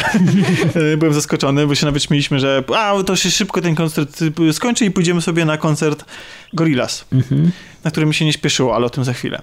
E, I natomiast tu się okazało, że, że to jest cała, e, cały pakiet piosenek i Słuchajcie, no ona była naprawdę w, w, w, w ciężkim szoku i do tego stopnia, że zespół nawet nie był przygotowany, że ona chce coś powiedzieć, bo jak tylko się kończyła piosenka, ona coś chciała po coś powiedzieć, to zespół zaczynał grać następną piosenkę, nie? I w ogóle i oni by chyba w ogóle nie, nie, nie skumali, jak bardzo ona jest przejęta. Energia tej dziewczyny na scenie jest absolutnie niesamowita. To, jak ona się rusza, jest w tym coś takiego dziwnego, że to nie jest taki zwyczajny taniec, zwyczajne ruchy, ale jednocześnie takiego uroczego, takiego zupełnie naturalnego, plus do tego jej piosenki, e, głos, to wszystko fantastycznie ze sobą współgra i byłem absolutnie zaskoczony tym koncertem, e, tym jak ona pozytywnie się, e, jak ją pozytywnie odebrałem i w ogóle całą atmosferą. I potem poszliśmy sobie na mm, Gorillaz. I to jest zespół, ja przyznam się szczerze, nie jestem fanem, ale uznałem, że być w okolicy i nie widzieć koncertu Gorillaz, ludzi, którzy słyną z takich teledysków, które akurat są super, jeśli chodzi o teledyski, to są ekstra, po prostu nie lubię ich muzyki, no to jest trochę, byłoby trochę mm, kiepskie, zwłaszcza, że ja tak naprawdę nie wiedziałem, kto w tym jest zespole, jacy są członkowie, no bo się tym nie interesowałem, nie wiedziałem, czy oni w maskach będą A to występować. w formie hologramów jest? Widzisz, masz takie same mniemanie jak o nich. Aha. To są normalni ludzie. Tak? Totalnie normalni ludzie, normalny koncert, gdzie em, on jest, y, to jest taki zespół, gdzie y, mamy frontmana, czy ja tak Mhm. zakładam, bo przepraszam, no jestem ignorantem, ale moje wyobrażenie o nim po koncercie jest takie, że mamy frontmana, plus mamy tam ludzi z zespołu Mhm. i czasami wokali, y, wokaliści się zmieniają, czyli oprócz tego głównego e, mamy kilku wokalistów, wokalistkę, mamy chór w ogóle. Okej. Ja nie wiem, czy to jest zespół koncertowy, Kurczę, zawsze myślałem, że oni nawet w koncertach się nie ujawniają jako ludzie, tylko Ja- po prostu sobie ja byłem za- te, te ja- animacje wyświetlają. Ja też i tu, i tu To znaczy nie, no przecież e, wiadomo chyba jest, że tam e, śpiewa wokalista Blair, tak? Mhm. Damon Albarn. Znaczy, no ja byłem zaskoczony, że ich widać. Mhm. Energia ich na koncercie rozpierała. Bardzo często schodzili do publiczności, e, więc e, mogę powiedzieć, że od strony technicznej w ogóle koncert był super, bo wyświetlali na, olbrzymich, e, na olbrzymim ekranie teledyski Mhm. lub jakieś wizualizacje, które współgrały z tym. Znaczy, były bardzo ciekawe same w sobie, czyli nawet nie czerpiąc przyjemności specjalnej z muzyki, można było być pod wrażeniem. W ogóle chciałem powiedzieć, że ja nie jestem jakimś specjalnym, niespecjalnie często odwiedzam tego typu imprezy. Bywam na OFie, bywam na jakichś Mhm. koncertach, na Orange Festival e, i tak dalej, ale to nie jest tak, że jestem jakimś koneserem tego typu imprez, więc nie potrafię się wypowiedzieć bardzo merytorycznie, ale to była absolutnie najlepiej nagłośniona impreza, na jakiejkolwiek byłem w życiu. Mało tego, to była jedyna dobrze nagłośniona A impreza. mówi się, na, że, na powie, że powietrzu. koncerty plenerowe właśnie są zwykle kiepsko nagłośnione Tak. i że jest, że jest trudno. To znaczy, ja się spotkałem z Dobrze takim... nagłośniony koncert plenerowy. Ja się spotkałem z takimi opiniami, że tu jest za głośno było, że, że to wcale nie, że nikt się wcale nie rozpływa nad jakością. Słuchajcie, no ja słyszałem muzykę, słyszałem wokal. Mhm. Ja, jak były, były koncerty, na których bywałem, na których na przykład na Stadionie Narodowym czy na Legii. Ale nie mówisz tylko o na otwartym powietrzu. Ja mówię o otwartym powietrzu. Nie, no w zamknięciu to jest zupełnie na bajka, tam były Mhm. super, no tam w stodole i tak dalej. Natomiast, natomiast w przypadku, kiedy mam do czynienia z koncertem na otwartym powi- powietrzu, to to jest, nawet na ofie jak byłem, to nie było tak to dobrze zrobione i tak, e, tak czysto dla mnie i wyraźnie to wszystko brzmiało. I dokładnie tak jak, tak jak powinno, tak co sobie wyobrażałem. Więc Tym widocznie bardziej... miałeś szczęście, bo czytałam, że Nick Cave jest fenomenalny, świetna charyzma i w ogóle Ale koncert świetny, ale muzyki. nagłośnienie podobno było średnie. Widocznie przez te dwa pierwsze dni już przećwiczyli sobie dźwiękowcy, jak to ma To znaczy, wiesz co, być może każdy przywozi swoich, ale też y, może to było tak, że ci fani od Gorillaz by przyszli teraz i powiedzieli, że to było dramat, nie? Że to wcale, że to nie brzmiało tak jak trzeba. Ja po prostu jako ignorant zarówno jeśli chodzi o ten zespół, jak i o Ale takie ty znasz imprezy. ich muzykę, ogólnie znasz ich No kawałki? wiesz co, no Jest chyba taka- każdy zna dwa kawałki, y, czyli Clint Clint Feel, Eastwood feel Good i Clint, Clint Eastwood. Mhm. Ja znam w ogóle Clint'a, Clint Eastwood, Clint'a Eastwooda, Mhm. e, ten kawałek właściwie nie tyle z oryginału, co z mashupa z Ace of Spades. Motorhead. Aha. Naprawdę, idealny, mój ulubiony mashup. Totalnie Proszę. perełka. Wrzucę nawet y, może gdzieś tam do, do opisu, bo jestem absolutnie zakochany w... I dla mnie ta piosenka to właśnie tak brzmi, więc jak na koncercie brzmiała trochę, wiecie, inaczej. Ale ja byłem strasznie zmęczony, bo ja całą noc praktycznie nie spałem. Przez to, że móc, żeby móc sobie pozwolić na wyjazd, to po prostu pracowałem i oddawałem tam projekty do samego końca. Oj. I byłem strasznie zmęczony. Jak już po tym całym dniu, jak doszedł ten koncert, to, nie, to nieprawda, że tam muzyka była wyjątkowo na przykład nieporywająca, tak? Bo jakby pomijając wokal, który do mnie nie trafiał, to, to sama muzyka i te bity to były jak najbardziej takie, że można było sobie poskakać, natomiast mi się już kompletnie, wiecie, po prostu nie miałem siły. A byłeś I jeszcze na jakichś innych koncertach? Takich coś odkryłaś może Tak. nowego? Eclipse? Nie, e, ko- Kolaps? Mam zdjęcie, zaraz wam powiem. E, bardzo mi się podobało. To jest taki, e, zaraz powiem też dlaczego, ale się tylko sk- skończę o tym, o tym e, Gorillaz. Ja po prostu stałem wśród, w tym tłumie, który niesamowicie się bawił, bo ludzie byli porwani i w ogóle przyszli tam fani, ci, którzy no po prostu się świetnie bawili, a ja po prostu stałem ja się czułem po raz pierwszy, wiecie, jak ten taki, taki zgret albo jakiś taki mruk, co przychodzi na to. Ja, ja uwielbiam bawić się, w sensie uwielbiam skakać, uwielbiam tańczyć, każdy, kto mnie zna, to, to, to wie i i dla mnie to jest, y, dla mnie nie skakanie na koncercie, nie bawienie się na koncercie to jest naprawdę jakiś ewenement i ja autentycznie tak, tak się czułem na tym koncercie. I najlepsze było to, że a propos wieku jeszcze, to przede mną była taka para i y, no, młodsza zdecydowanie tam w okolicach dwu- dwu- 20 lat, tak sobie wyobrażam. I ta dziewczyna co jakiś czas się odwracała na mnie i chyba mam wrażenie właśnie, że, że patrzyła na to, jaki, jaki jakiś stary, posępny e, Stary nudny- stary zgret stoi za nią i, i który patrzy tak, wiecie, tempo na scenę. I w pewnym momencie, po jakimś takim kawałku, który był taki, że nawet by mnie porwał, gdybym miał siłę, naprawdę. E, I ona była tam po prostu, normalnie nie ma, że tam eksplodowała energią na tym koncercie. Ona się do mnie odwróciła i tak wykonała taki gest, patrząc się na mnie, jakby chciał, wiecie, tak ym, uśmiechając się i jakby rozszerzając swój uśmiech, jakby dając mi do zrozumienia, żebym się uśmiechnął. Że, ją, że jakby ją to denerwowało, wiesz. Więc wiesz, wiecie, po prostu, że zrobiła taki gest, no taki No. no. po prostu uśmiechnij się, tak jakby chciała. I mi się zrobiło wtedy autentycznie głupio. Poczułem się, jakbym miał 150 lat. Po prostu był, najgorszym człowiekiem na świecie, który po prostu, który tam nie powinien być, który nie zasługuje na to, żeby zajmować przestrzeń życiową na tym, na tym, na tym festiwalu, który po prostu jest totalnym nudziarzem. I było bardzo źle, naprawdę. I naprawdę to jest, to, to, to, ale to nie dlatego, że ten Gorillaz był aż taki kiepski dla mnie, tylko po prostu byłem naprawdę bardzo W zmęczony. międzyczasie formie, zrobiłam research. Rzeczywiście zespół został stworzony przez Damona Albarnas Blair oraz Jamie'ego Hewletta, e, który rysował komiks Tank Girl na przykład. I on właśnie, ten Jamie jest odpowiedzialny właśnie Aha, za te rysowane postacie. Mhm. I oprócz tych dwóch osób, czyli tego rysownika od Tank Girl i e, Damona Albarna, reszta członków jest wirtualna. Czyli w związku z tym podejrzewam, że mają po prostu skład koncertowy, ale to nie są jacyś stali członkowie Okej, zespołu. okej. O, właśnie i kończąc jeszcze Gorillaz, to jak przycho- idąc na ten koncert miałem dwie piosenki, które lubiłem z ich repertuaru, po tym świetnym dla mnie technicznie i wizualnie koncercie mam trzy. Wow. No dobrze. Więc chyba jakiś sukces, Tak. bo podoba mi się ta, która jest ta najnowsza. Sukces będzie wtedy, jak, jak wysłuchasz całą płytę. Ach, Ja znam tylko dwie pierwsze płyty ich, więc później, później już jakoś mi ten zespół Ja się też straciłam ich e, później w ogóle z oka. Podoba mi się ta najnowsza piosenka, która ma teledysk nawiązujący do gier wideo. Nie wiem, czy widzieliście. Chyba nie widziałem. To, to, to bardzo, bardzo mi się podoba. Właśnie... ale co, co z tym zespołem? Tak, nawet ten, ten, y, ten trzeci zespół. nie Puenta? A. Nie, to jest Kaleo. I to jest zespół. Eclipse, Kaleo. Tak, no taki. Kojarzyło mi się z jakimś Cleo albo i Donovan czy coś takiego, nie? No więc to jest zespół, którym nie miałem zielonego pojęcia. On jest chyba z Islandii, gra rockową muzykę i podobał mi się dlatego i nie podobał z tego samego powodu. Mianowicie wydaje się, jakby to był dla mnie zespół, może, jako fani możecie mnie tutaj rozszarpać albo skorygować, że to jest. Zespół grający muzykę z lat 90. rockową. To jest jakby oni koncertowali razem z Guns N' Roses na przykład.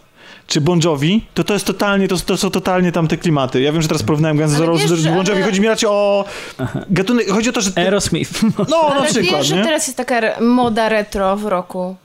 Y, Więc teraz Znaczy- taka muzyka jest znowu na fali. Znaczy, no cieszy mnie to, to jest, bo ja lubię taką muzykę i naprawdę nóżka latała, jeszcze nie byłem zmęczony, więc tam parę razy też główka też po, pochodziła. Natomiast to jest fajne, ale ja się poczułem jak na jakimś takim koncercie coverów niemalże, że, okej. że, że to jednak nie było oryginalne. mało tego, ten koncert nawet był jakby ułożony w ten sposób, ja nie, by, nie będąc bywalcem koncertów, wiedziałem, co nastąpi za chwilę. Jaki riff zagrają, jakie przejście pomiędzy poszczególnymi dźwiękami. Że wiecie, jak, jak się jedna piosenka kończy, jest jakiś most, czy tam przejście, czy jak to się tam nazywa w muzyce, że, że mamy jakieś przeciągnięcie tutaj w bębniu. Nawet finał tego koncertu, gdzie jest takie, wiecie, nawalankę, taka coraz szybsza, coraz szybsza, coraz szybsza i na końcu jest buch, i, i tłum wy, wy, Czyli to wszystko było takie przewidywalne. Znaczy to było dla mnie, to, jakbym, jakby ktoś do mnie przyszedł i powiedział, Tomek, wyreżyseruj najbardziej sztampowy koncert rockowy, to bym sobie powiedział, okej, nie chcę urazić fanów tego zespołu, bawiłem się bardzo dobrze, ale jednej strony, z, z drugiej strony po prostu moje wyobrażenie o tym koncercie, tym zespole jest właśnie takie. Fajny był kącik muzyczny człowieka, który się nie zna na muzyce. Takie Kasia rzeczy- ratuje honor. Takie rzeczy tylko w kolaudacji. Dokładnie. Mam nadzieję, że was nie zanudziliśmy dzisiaj. Em, Kasiu, chciałabyś coś jeszcze dodać? Chciałabym dodać, że mam plan obejrzeć film McQueen, więc proszę was, panowie, zapoznajcie się z postacią i trochę poczytajcie o modzie. Będziemy o tym na pewno rozmawiać. Zainteresowałaś mnie tym filmem w ogóle. E, Wiesz, bo ja widziałem nawet trailer i jakoś tak... Tak, okej. byliśmy razem w kinie i był zwiastun y, i tak... y, To jest mówiłaś, dokument, że, prawda? Tak, mówiłaś, że pierwszy raz zetknąłeś się z tą postacią, a ja jakoś nie interesuję się bardzo modą, ale mm, to jest to była, no bo mm, ten e, popełnił samobójstwo niestety, ten bardzo młody projektant, to była tak nietypowa postać i to był e, tak niesztampowy umysł, że myślę, że warto dowiedzieć się o nim czegoś więcej, więc e, ja na pewno pójdę na wchodząc niedługo do, do kin film McQueen. A na Blankę też masz zamiar się wybrać? No właśnie Kolejne, tak. kolejne no właśnie film o dziewczęcym chciałam, ale imieniu. znowu ta dziewczynka, dlatego się zastanawiałam. A to, jest, a to jest film o dziewczynce, która chce sobie kupić mamę. A oglądałaś już Blankę chyba, co? Nie, jeszcze nie. Nie widziałaś. Mam zamiar No właśnie, też. Myślałem, bo że to jest o tym jak byłam bohaterze ze Street Fightera, ale... Jak byłam ostatnio właśnie w Moranowie, to zastanawiałam się, czy pójść na lato 1963, które jest też 93. lato 1993, 993. Podlecam ten film jest ale który świetny. też jest o dziewczynce. Tak, ale jest świetny. Czy pójść na Blankę, Blanki jeszcze nie znam, czy ale... pojechać ale, do domu? I wreszcie pojechałam do domu, ale na to ale, lato... ale, ale lato jeszcze, jak będziesz miała gdzieś okazję... 1993. Tak. Okej. Jeszcze obejrzę. Jest- tanie jest- poniedziałki. Odkryłam ostatnio, że są w kinie Muranów tanie poniedziałki, 11 zł, ponieważ wreszcie mam wakacje. Normalnie tak, to pracuję do 20, w związku z tym o, o tej godzinie już A to grają jakby... to lato znowu? Tak, A, cały bo, bo, czas. już- bo grali gdzieś w okolicy marca. Tak, bo ten film e, w kwietniu była Może premiera, tak, sprawdziłam. okej. E, Kina studyjne tym się charakteryzują, No tak, że że, powracają filmy albo czasami są bardzo długo grane. I super, bo ja mam wakacje, mogę nadrobić zaległości, pracuję w tygodniu tak do późna, że nie, nie mogę się załapać na takie jakieś tanie poniedziałki, środy, wtorki i piątki. A teraz wreszcie, więc nadrabiam. Będę was męczyć europejskim kinem. I bardzo dobrze. Nie było dzisiaj takiego mocno pozytywnego Filmu? filmu, nie? Który nas Pozytywnego, Tak, który nas porwał na, bardzo. pew- na no pewno nie. nie. Nie, nie. Mówiłaś mi, że jesteś zachwycona Kimi Schmidt? To serial. A, czy zachwycona to dużo powiedziane, ale to nie, może powiedzieć, że zachwycona. E, U nas na grupie e, Sebastian Rulik polecił ten serial dzisiaj i jakoś tak miałam zły humor, bo jakieś różne tam się dramy toczyły w naszej grupie, Mhm. było mi smutno i pomyślałam, dobra, włączę sobie na rozweselenie i powiem I wam, że udało. wciągnęłam sześć odcinków O, szybko, A ja nie jestem, e, jestem bardzo wybredna, jeśli chodzi o komedię. Nie lubię w ogóle sitcomów i No ja seriale podobnie mam. komediowe jakoś wydają mi się zwykle za głupie, za żenujące. A to jakoś do mnie trafiło. Taki, taki feel good movie, naprawdę. Każdy odcinek kończy się pozytywnie. 25-minutowe odcinki. E, jest jakiś taki morał, takie pozytywne przesłanie do świata. A w skrócie, o czym, jaki jest punkt wyjścia serialu, bo to jest interesujące. Punkt wyjścia jest. to serial taki, komediowy. Serial komediowy. Punkt wyjścia jest taki, że główna bohaterka zostaje uwolniona e, ze sch e, schronu. W ogóle zostaje uwięzi- ona została kiedyś uwięziona 15 lat temu. I 15 lat spędziła w schronie z kilkoma innymi kobietami, wierząc, że nastąpiła apokalipsa i że w ogóle cały świat zginął i tylko one przeżyją. A to wszystko przez? Przez jakiegoś szalonego kolesia, któremu się wydaje, że jest guru sekty i wmawiał im różne dziwne rzeczy. No a, i na, tak a na drugim etacie jest DJ-em, to jest ważne, takim grającym na weselach. No i bo główna bohaterka, czyli Kimi Schmidt, e, idzie na całość, wyjeżdża do Nowego Jorku i tam uczy się życia. No, Okej, to ciekawe nawet. Ja widziałem ten serial, gdzieś tam mi migał No jakiś mi też tytuł, no ale, ja myślałam, ale że to są jakieś straszne głupoty. Okazuje się, że jest to taka komedia, momentami głupia oczywiście. Na szczęście nie ma śmiechu z puszki. E, I właśnie to, w jaki sposób odbywa się jej edukacja, jest takie pozytywne, kolorowe. Nawet jej kostiumy, jej ubrania są takie Ale to jest taki żywych procedural, czy to ma ciągłość fabularną? Czy każdy odcinek... Jest A, ciągłość. Jest i jedno i drugie. Jedno i każdy odcinek ma swoją fabułę i zawsze kończy się morałem. E, No, nie zawsze, bo South Park. później... Jestem przy pierwszej serii, więc pierwsza seria na razie się kończy morałem. No bo ona się uczy życia, prawda, ta bohaterka. I ona jest taka bardzo jakby miała 12 lat. Okej. I taka jest wyciągnięta właśnie z tego, no może 12 nie, ale gdzieś tam 15. No, I wyciągnięta z tego schronu, nadal tkwi w latach 90., myśli, że Michael Jackson żyje. E, to może być rekomendacją, że showrunnerką tego serialu jest... e, Nie Tina Fey, Tak, która to wcześniej stała za jednym z moich... Rockefeller Plaza. Tak, czyli Ro- Ferty Rock i to jest jeden z moich ulubionych... Ferty se- Rock. Jest Po- or- oryginalny, tak. Rock. E, I to jest jeden z Ja w moich ogóle Tina ulubionych Fey seriali bardzo lubię. ever. Jako komiczkę bardzo Tak. ją Jeszcze- lubię. Jeszcze z, a propos seriali, nie wiem, oglądacie Ostre Przedmioty? Znaczy oglądaliście pierwszy odcinek? Nie, ale Ja właśnie... nic nie wiem, co to jest. No Pierwszy co ty, słyszę. naprawdę? Ostre przedmioty? Tak, Sharp Objects z A Amy gdzie- Adams na, Opowiadaj. na, HBO, na HBO Go. Ja obejrzałem pierwszy odcinek. Znaczy to jest na podstawie w ogóle książki Gillian Flynn, czyli autorki między innymi Zaginionej Dziewczyny. Yy, I, a, a serial yy, reżyseruje mm, facet od y, Słodkich Kłamstewek. No, czyli, Mhm. Czyli, czyli od Dallas Buyers Club też. Mhm, okej. czyli uznany twórca, bo i Tak. Słodkie Kłamstewka Tak, tej i... chwili nazwiska, przepraszam. Ale, ale to jest w ogóle, no, Taka typowa niekompetencja w twoim wypadku. tak, dokładnie. Tomek. Mark Ja się sam śmieję, bo ja oczywiście sam jakiś tam. zapominam nazwisko. Dzisiaj tyle razy już zapomnieliśmy nazwisk. Dobrze. Y, więc y, no, no serial to jest taki, można powiedzieć, kryminał, wydaje się typowy. Jest tam dużo sztampy rzeczywiście, ale, ale jest bardzo fajnie zrobiony. Y, Amy Adams gra dziennikarkę, która wraca do swojego rodzinnego miasteczka po latach w związku z zabójstwem dwóch jakichś dziewczynek. Jej, jej y, naczelny każe prowadzić jej sprawę, że mówi, ty znasz te okolice, więc ty tam pojedziesz. Nie? Jakaś głośna sprawa morderstwa dwóch dziewczynek. No i oczywiście takie mało miasteczkowe tajemnice, taki, taki klimat właśnie jest budowany y, na, na, na tej zasadzie. Ale, ale bardzo formalnie to świetnie wygląda. Nie wiem, czy y, oglądaliście Słodkie Kłamstewka. Nie, ale Paweł jest fa- Aha. wielkim fanem u nas. No właśnie. Czy tam wielkie kłamstewka, przepraszam, bo to jest jeszcze Słodkie, właśnie to Tak. chodzi. Ciągle Wielkie to mylimy i tak, to bo, jest. bo, są, bo to są dwa podobne Jeden jest taki tytuły, dla a- młodzieży A, jeden bardzo. jest serial słaby, a drugi, No właśnie, na który- podstawie serii książek Ja się e, wciągnąłem. dla Young Bo Adult. myślałeś, że oglądasz tamten. No właśnie, no, no właśnie, no, tak, tak. Tak? Znacie tą historię? Nie, Nie. ciebie nie było, jak ja to Nie. opowiadałem. Chyba nie, że, pamiętam. że, bo to, to było tak, że mm, tam to się nazywa Little Liars. Little Big Lies. Li- Little Big Lies, a ja zacząłem oglądać na Little Liars. Little Liars, A, bo myślałem, że to jest to. tak, tak, tak, rzeczywiście. Teraz, tak, tak. teraz jak powiedziałeś, No to tak, był taki totalnie tak. durny serial jakiś dla Więc- młodzieży. Tak, Więc, bo to jest y, taki na podstawie prozy serii książek takich typowych Mhm. Young Adults, czyli dla młodzieży, no więc. A wracając do, do ostrych przedmiotów, to mamy niby historię kryminalną, ale na pierwszym planie jest bohaterka, właśnie ta grana przez Amy Adams. I, i, i jej przeszłość, są, mamy jakieś tam migawki z jej retrospekcji, mamy właściwie taką introspekcję, bo, bo bardzo jest to subiektywnie y, jest pokazane, jak ona postrzega świat. Ona ma, oczywiście jak taki typowy, nie wiem, jest noirowy detektyw, który chleje wódę, nie? Y, Chleje wódę? Tak, tak. A, ona, ona, ona chleje wódę, tak. Y, nawet w samochodzie i słucha Led Zeppelin. O, E, czyli to by te- bardziej pasowało jakby coś mocniejszego, nie? Czyli takie Tak. ciekawe odwrócenie ról. Ciekawe, czy będzie e, Men Fatal. No właśnie. I, i No ma... bo jest, skoro mamy detektywa kobietę, tak. no A pojawia się tam jakiś będzie. już detektyw na horyzoncie, znaczy ona dziennikarką.